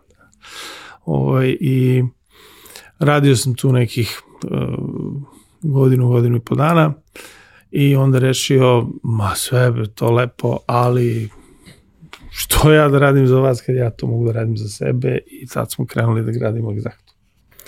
I šta ti je bio nekakav plan kako bi ona trebalo da bude drugačija od onoga što već postoji? Uh, hm. Pa, ja sam hteo da napravim, a ja mislim da i dalje idemo ka tom putu, ja sam hteo da napravim uh, a, a, lokalnu konsultantsku kuću koja je lokalna, naša, srpska, ovaj, na našem jeziku i, i na jezicima ostalih zemalja u kojima mi to nešto kao ovaj, radimo. Evo danas smo imali steering committee sa Slovencima, ovaj, dokument je bio na engleskom, ja sam pričao na srpskom i na slovenačkom. Fenomenalno funkcioniše. Ovaj, ali uh, ja sam hteo da napravim i mislim da i dalje idemo ka tome i da je to taj neki put u koji smo negde sebi zacrtali, ja nadam se da i ova moja ekipa koja to, to radi zajedno s nama ovaj full podržava, to je da mi budemo lokalni, da imamo taj neki svoj lokalni flavor, da budemo dovoljno opušteni kao što mi jesmo i kao narod i kao negde generalno ta neka slovenska onako logika koja slo, slovenska, kažem južno-slovenska ovaj, logika koja nama postoji. Uh, a da radimo po globalnim principima. Odnosno, bolje rečeno, da budemo toliko dobri u svom poslu kao što je dobar, recimo, Carney ili McKinsey. I ta neka kombinacija se kod klijenata onako dosta lepo primi i dosta lepo legne.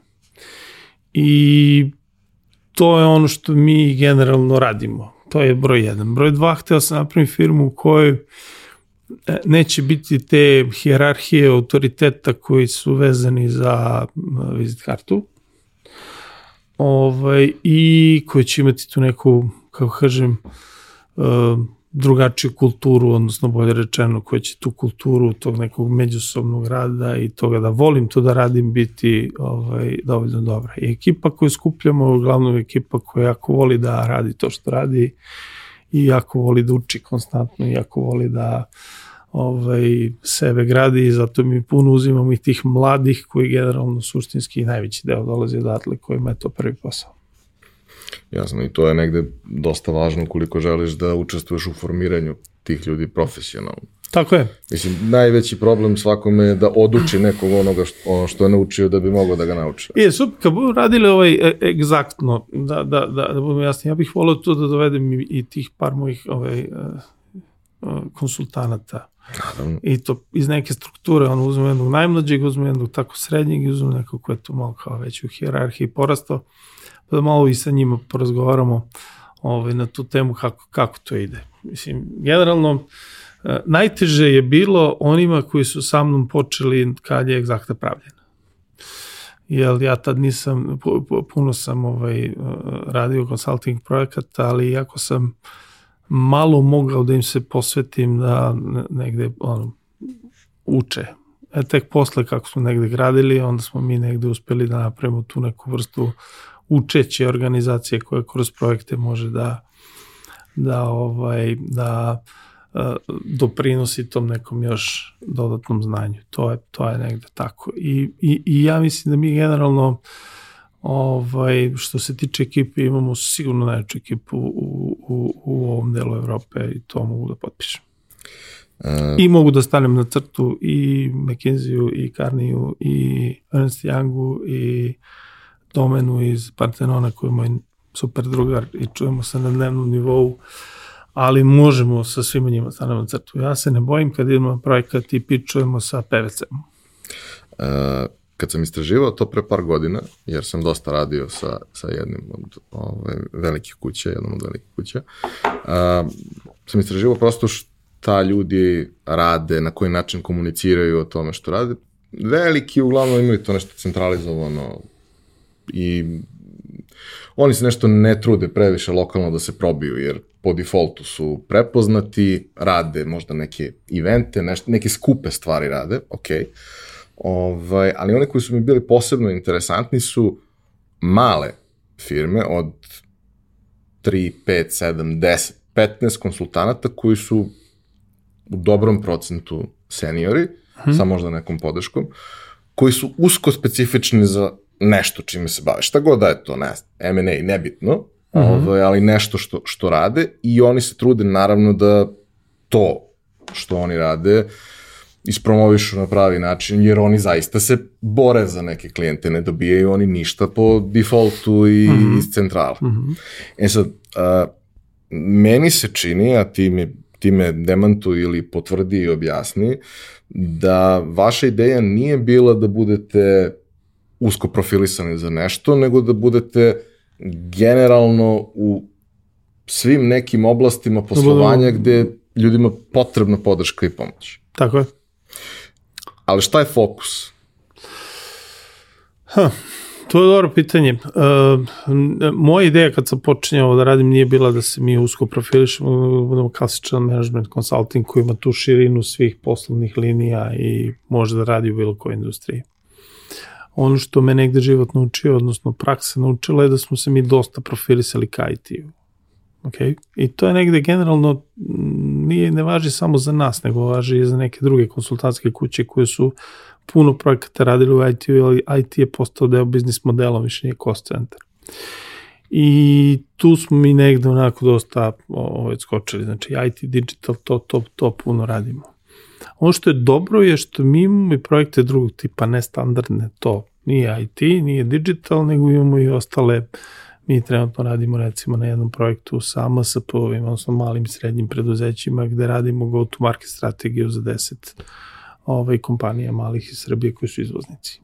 U nekom paketu projekta kako je, kako je on osmišljen kao takav. Tako da generalno uh, ja smatram da usko profilisanje u konsultingu jeste dobro u smislu fokusa, u smislu on, kao tu sam ekspert i uvek će mene da zovu i sve to super, ali sa druge strane da bi ti postao pravi konsultant, odnosno ono što smo danas pomenuli, to je da bi izgradio ono je napokon mi se otvorilo sve, ti možeš da prođeš i kroz ove druge industrije i da, i da razumeš kako neki drugi biznisi radi. I zato je meni uvek bitno da ja jurim različite projekte da uvijek imamo projekte koji su vezani za, ne znam, IT, ali da imamo i projekte koji rade neke druge stvari. A ako nemamo projekte, onda mi proglasimo interni projekat. I onda interni projekat, recimo, koji smo radili prošle godine, je uh, projekat koji kaže lokalizacija srpske privrede, odnosno bolje rečeno go local. Šta mi treba da uradimo da lokalna privreda bude bolje? Pa smo radili jedan projekat veliki, sa nekim ogromnim istraživanjem koje smo posle plasirali u medije i tako dalje i tako dalje. Sad trenutno radimo na nečemu što je možda izgleda utopistički ili je drugačije, ali ovaj, on je ongoing uz sve ostale projekte, kažemo 50 za 2050. 50 stvari koje ćemo mi generalno kao konsultanti iz tog nekog CSR logike koju mi imamo, da kažemo šta u ovoj zemlji može da se uradi drugačije, ne bili 2050. mi bili pandam zapad. Ok? Zašto je to bitno? Zato što generalno ja verujem da, da, da ovim, pogotovo mlađim ljudima ovde, treba ta vrsta motivacije da generalno imaju to da hoće da menjaju tu zemlju koja žive, odnosno bolje rečeno da hoće da mi negde tamo gde nismo dovoljno dobri možemo da budemo bolji. I to je nešto što mi volimo da radimo. Odnosno ja volim da radim, da li oni baš vole svi, ne znam, ali rade. ali za voleć. Ovaj, da. uh, sećam se, ima tome više od 15 godina, bio sam na jednom predavanju i ja sam se tad ono kao zainteresovao ozbiljnije za marketing, krenuo da kopam, znao sam da koristim gomilu alata za online i to je bilo super i donosilo poslove, ali ono, osim par knjiga koje sam pročitao, nisam ja baš razumeo marketing. Mm -hmm. Nisam imao strukturu, nisam znao sve što treba i onda sam krenuo da čitam, istražujem i išao sam na neke razne konferencije, slušao. I sjećam se tad nekog primjera koji je, koji je taj jedan uh, strani predavač Britanac ovaj, dao koji mi je ono bio mind blowing u tom trenutku, iako je savršeno logično i smisleno, ali nije bilo linearno u odnosu na ono kako sam ja u tom trenutku razmišljao. Kada jedan od uh, projekata na kojima su radili je uh, bila saradnja sa Teskom, čini mi se, ili tako nekim velikim ovaj, Retailer. uh, retailerom i e, zbog nekih promena koje su se desile, trebalo je da ostvare neki rast prodaje od recimo ne, 30 miliona funti. Mm -hmm. I e, kada su donali projekat u, u firmu, kako to mogu da urade sa što manje uloženih sredstava i sve ostalo, svi su krenuli da razmišljaju kako, koja je prosječna potrošnja korisnika, ne znam, lupam 100 funti, znači moramo da dovedemo 300.000 novih korisnika ili koliko već, nije, nije važno. Ovaj, dok jedan čovjek nije došao i rekao, -huh, a koliko mi imamo kupaca godišnje? Ne znam, 3 miliona, 15 miliona, 15 miliona. Znači, prosječno treba da potroše dve funte više. Mm -hmm. I cijela priča se okrene jeli, 180 stepeni. Jer mnogo je lakše da sprovedeš da neko potroši dve funte više, uz malo trikova, malo dobrog pozicioniranja u radnji, nego da izmisliš neki veći broj ljudi koji treba da dođu, koji su potpuno novi kupci, koji su možda kupci konkurencije koje treba da preotmeš na neki način. I kao, eto kako može lateralnim razmišljanjem da se dođe do nekih korisnih stvari. Sad, da bi do toga došao, ne smeš da držiš u ruci čekić sve vreme, jer kad držiš čekić jedino što te zanima je ekser, Mm -hmm. nego moraš da probaš da razmišljaš sa strane. I taj moment ovaj, je meni u projektima koje ja radim konsultantski sa malim firmama uglavnom uvek bio najinteresantniji. Ti njima moraš da ono, objasniš šta vama treba. Sad oni krenu da ti objašnjavaju to što ti meni pričaš sad šta ti hoćeš da uradiš. Ako ti to hoćeš da uradiš, ja ti ne trebam. To možeš sam da uradiš, možda ja mogu malo da te ubrzam i to sve, ali šta je cilj koji želiš da postigneš? Ako je cilj povećanje prodaje, možda postoje drugi načini na koje to možeš da uradiš, jer možda nemaš ni resurse da ovo uradiš kako treba ili šta već. Mm -hmm. E sad, uh, sa malima je to super i prezanimljivo, malo je taj proces nadgornjavanja sa njima malo onako ume da bude, jer oni su to mm -hmm, napravili sa ovi deset mm -hmm. prsta i sve to što ljudi naši kažu. Mm -hmm. To je malo problem, ali je mnogo lepo sa druge strane što sa njima kad radiš, ti vidiš sutra rezultat. Mm -hmm. Vidiš za mesec dana da, brzo rezultat. Se provede, vidiš tako. da li ima smisla ili nema. Rezultat može bude negativan. Da, naravno. Ali ga vidiš brzo. Promena može da se sprovede jako brzo. E sad, rad na način i u poziciji u kojoj ste vi podrazumeva da se to radi sa većim sistemima, Mm -hmm. gde je potrebno tako nešto sprovesti. Da bi se to, toga došlo, ljudi moraju da veruju u to, da razumeju i sve ostalo. Daj mi neki primer nečeg zanimljivog što ste radili, što, što ti je upravo bilo dobra ilustracija koliko ste nestandardni. Uf, Mislim, ljudi su već shvatili da si ti malo ovako čudan. Ovaj, nisam ali, ja pa, no, svi ostali su, znam. Da. Ali, ovaj, prosto to, uh, kako drugačije može da se razmišlja o, o, o nekim problemima koji, koji postoje? Pa e, vidi, aj, aj probat ću ovako. Prvo ja, kad biramo, kad biramo konsultante, ovaj, koji rade s nama, ovaj, na testu oni rade, uvek dobiju još jedno finalno pitanje koje generalno često bude i eliminacijono, a to je da moraju da razmišljaju out of the box. I to generalno radimo kroz neke vrste igrica. Spoj mi ove linije zajedno i onda ja vidim kako razmišljaju, da li sebe ograničavaju u okviru kruga ili ne. Ono što mi uvek radimo, uvek challenge-ujemo. I ono što je negde generalno, što se tiče projekata, Uh, tako je da mi uh, kroz projekat radimo uvek i change management u okviru uh, te strukture. Odnosno, bolje rečeno, koristimo te alate change managementa koji se sprovode već kad projekat počne, a naročito tokom implementacije projekta, onboardovanje i ostalo.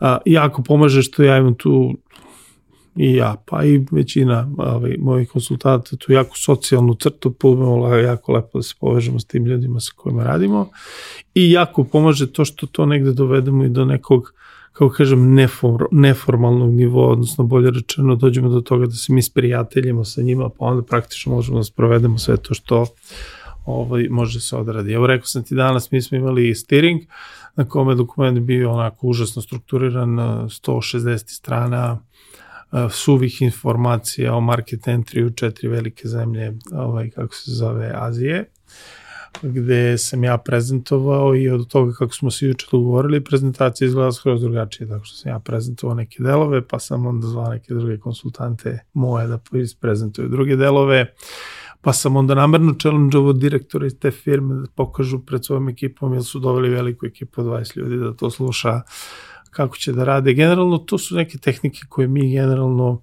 uvek koristimo. Jako pomaže ta vrsta nekog ne, neke ja ne znam kako da je nazovem, to je pitanje poverenja. Konsulting je pitanje poverenja.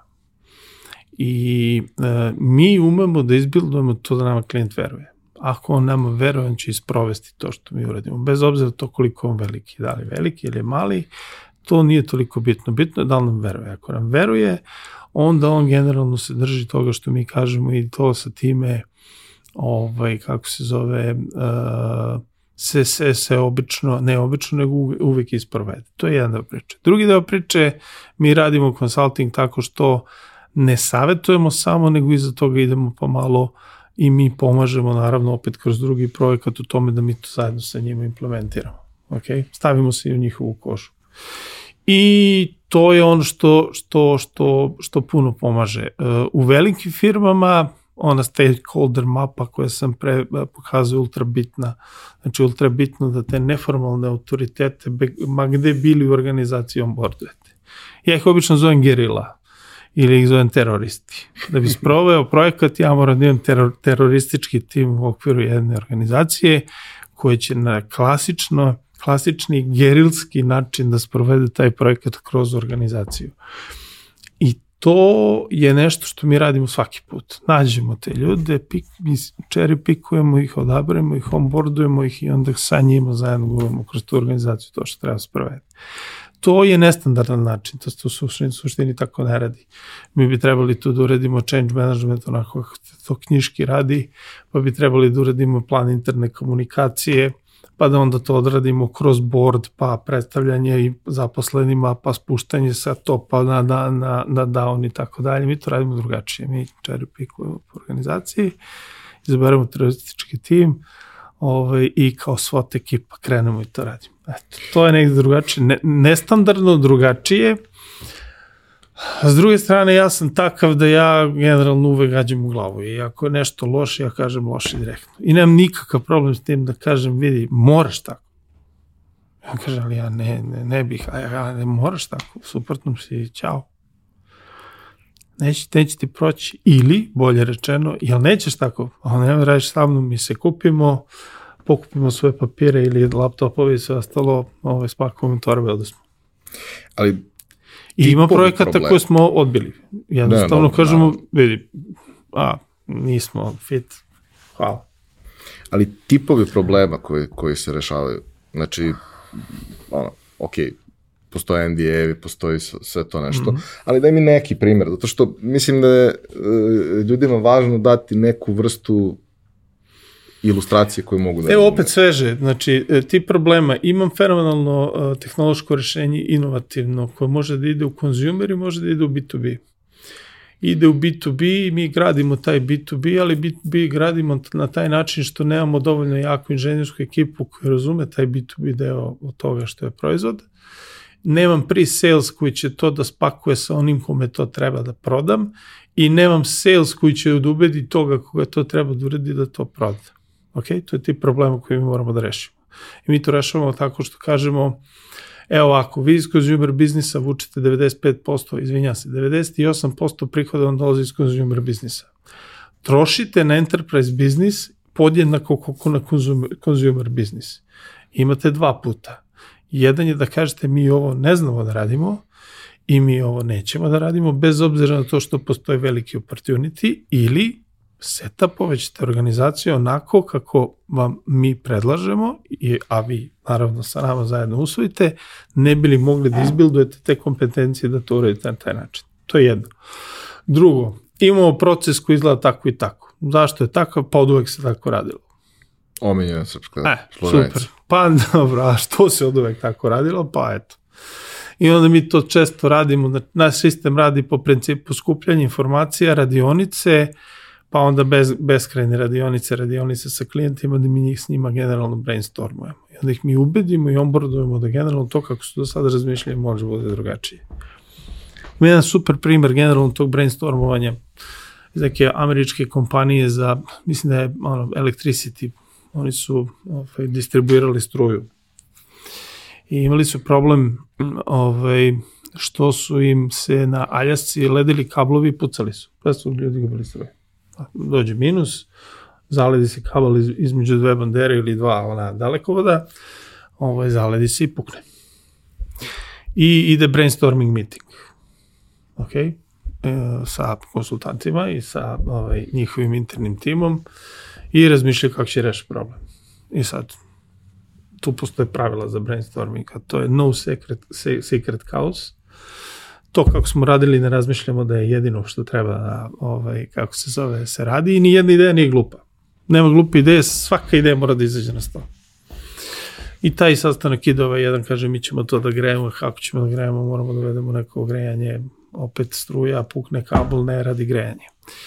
Pa, ne znam, jedna, druga, peta ideja, ali kaže, ajde da pošaljemo ekipe koje će da drmaju bandere. Da ne možda To je ideja. Koji će da drmaju bandere, pošto će oni da drmaju bandere, kabel će da se drma i taj led koji se nakupi na kablu će da padne i onda više neće biti problema. Cool, ideja je beskrajno glupa. Ja ću da šaljem ekipe koji su pored bandere, izađe i drma banderu ali e, sastanak, odnosno brainstorming je završen tako što je problem rešen tako što su postavljeni e, mali elektromotori između na, na svakoj banderi koji suštinski ne rade ništa drugo nego tresu kabel. Okay? Isto to što bi radio kad drmaš banderu, ali si ga uradio sistemski. Ali i željarski. I to je brainstorming. I mi to radimo na svojim sastancima. Mi generalno izlačimo iz ljudi da kažu ono što ne bi rekli u svojoj sredini nikad, zato što ima šefa, zato što ima poziciju za koju se boji, zato što ga baš briga, zato što šta god mi ih onboardujemo i na tim generalno radionicama izlačimo iz njih ono što treba da se uradi. Čak i kad radimo, naročito interesantno i u tim državnim ovaj, a, a, organima i kad imamo posla u, u, u, u, u tim nekim državnim strukturama i tu ima jako puno ljudi dole koji generalno imaju znanje i znaju se posao i tu su stručni, ali negde ćute dok ih ti ne dovedeš do tog nivoa da kroz tu neku radionicu i te neki odnos koji mi napravimo sa njima, oni daju to kako to u stvari treba se radi. I uvek je to neka kombinacija nekog našeg znanja koje mi donesemo i tog nekog njihovog iskustva i dobrog poznavanja posla koje oni ovaj, rade. Eto. Šta je neki plan za, za naredni period za Exacto? Uf, veliki planovi, da. Mi planiramo da i dalje budemo najbolji ovde u Srbiji ko što jesmo. To nam je neki plan i to držimo da držimo taj nivo. Moramo zaposlimo još ljudi. Ovaj, tako da generalno konstantno radimo na tome da hantujemo mlade talente i da probamo da ih dovodimo kod nas i onboardujemo. To je ovaj, ono što je bitno. E, planuje da otvorimo do kraja godine eventualno početkom sledeće slovenački ofis, zato što već do, dosta poslova imamo u Sloveniji. Ovaj, u procesu smo otvaranja ofisa u Amsterdamu, odnosno da probamo malo da se po Evropi poigramo što sa IT-em, što sa konsultingom. Ovaj, pošto negde Dubaj je onako interesantna ovaj, lokacija za sve ove naše konsultanti iz kog god razloga ovaj, otvorit ćemo i neki Middle East sledeće godine da probamo i to tržište malo da napadnemo i to su uglavnom ovaj, ti neki veliki planovi. Još jedan dodatni, a to je da ćemo ući u taj neki segment koje je danas u hajpu, a to je AI sa otvaranjem jednog AI laba koji će da radi uglavnom na AI software za servis u B2B segmentu. Da. Uh, ko je pratio i čitao, vidi da si ti u poslednje vreme dosta pisao na tu temu i da si yes. se prilično inficirao. U, jesam, baš, baš, sam, baš sam ušao u onako, kako kažem, ove, mogu bi da pišem o tome koliko god i da pričam o tome koliko god, ali ove, ja i definitivno tu vidim ono, neverovatan opportunity ovaj, koji je potpuno trenutno neiskorišćen, neiskorišćen naročito kod nas. A kako ti vidiš upotrebu veštačke inteligencije, primjenu, odnosno u ovoj sad situaciji uglavnom se priča samo o tome kako će to eliminisati poslove i sve ostalo, a ja to ne doživljavam tako. Kako ti to vidiš i iz ugla nekih zaposlenih, ali iz ugla firme. Da, struktura zaposlenih će se i definitivno promeniti sa AI. Ono što je manuelno i ono što je generalno ponavljajuće i ono što može da odradi AI neće raditi više ljudi. To je definitivno i to, to mora svi da budu svesni toga da će to da se pojavi onako kako sam ja napravio automatsko uvlačenje oglasa ovaj, u onaj kvark, tako će i nešto drugo da uredi što će generalno eliminisati potrebu za tim poslom, tako kao takvi. Ali uh, ono što AI može da donese, može da donese uh, uh, ultra bitan segment, to je podiže nivo produktivnosti.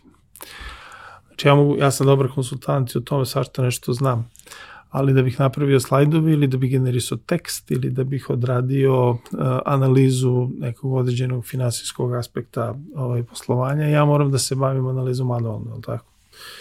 Ako znam da dobro postavim pitanje i ako znam da dobro iskoristim AI alate koje postoje, ja sad generalno mogu pa čak i 10 puta brže da odradim neke stvari već sad a mogu da zamislim šta će se desiti ako te, ta tehnologija ovako kako ide, pogotovo u tom nekom segmentu gde ti imaš tri velika, četiri velika igrača, plus gomilu malih open source-eva koji generalno sve vreme rade na tome.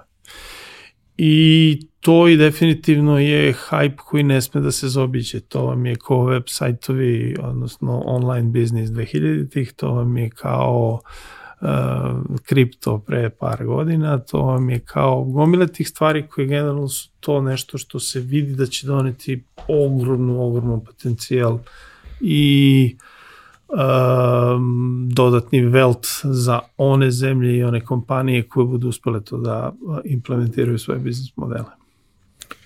Marko. I ja ne mislim da ljudi ne treba se plaše. To ono što je jako bitno što se Ljudi se plaše toga, svega što je nepoznato. Pa da, dobro, to je uvijek je tehnologija malo kao wow. Ali što se AI-a tiče, uh, ja mislim da je Einstein rekao, ajde sad možda ću pogrešno da citiram, on je rekao da, bi do, da bih mogao da postavim dobro pitanje, ja moram da znam 80% odgovora. Što znači, uh, džaba ti AI ako ne znaš da ga pitaš. Odnosno, bolje rečeno, ljudi će morati mnogo više da razmišljaju, i da budu mnogo kreativniji i da budu mnogo više orijentisani ka tome, da budu strukturirani, a da te neke manualne radnje i ono što je ponavljajući i ono što je sad, kako kažem, napiši mi kod za to i to sad, vi to već možete sad uraditi u najmanje tri alata, ne mora raditi programer. Ako znaš šta. I ako znaš, ako znaš šta da ga pitaš. dovoljno dobre instrukcije. Tako je. Ako znaš šta da ga pitaš, da, i definitivno bez ikakvih problema. Marko, hvala ti. Mislim da je družimo kroz egzaktno. Važi, super. Ovaj, a, hvala vama što ste nas slušali. Nadam se da vam je bilo zanimljivo. Uh, upoznali ste još jednog čoveka koji sebe voli da komplikuje život i nastavit ćemo s tim trendom ovaj, i kroz naredne epizode. To bi bilo to za, za ovu nedelju. Mi se vidimo ponovo naredni.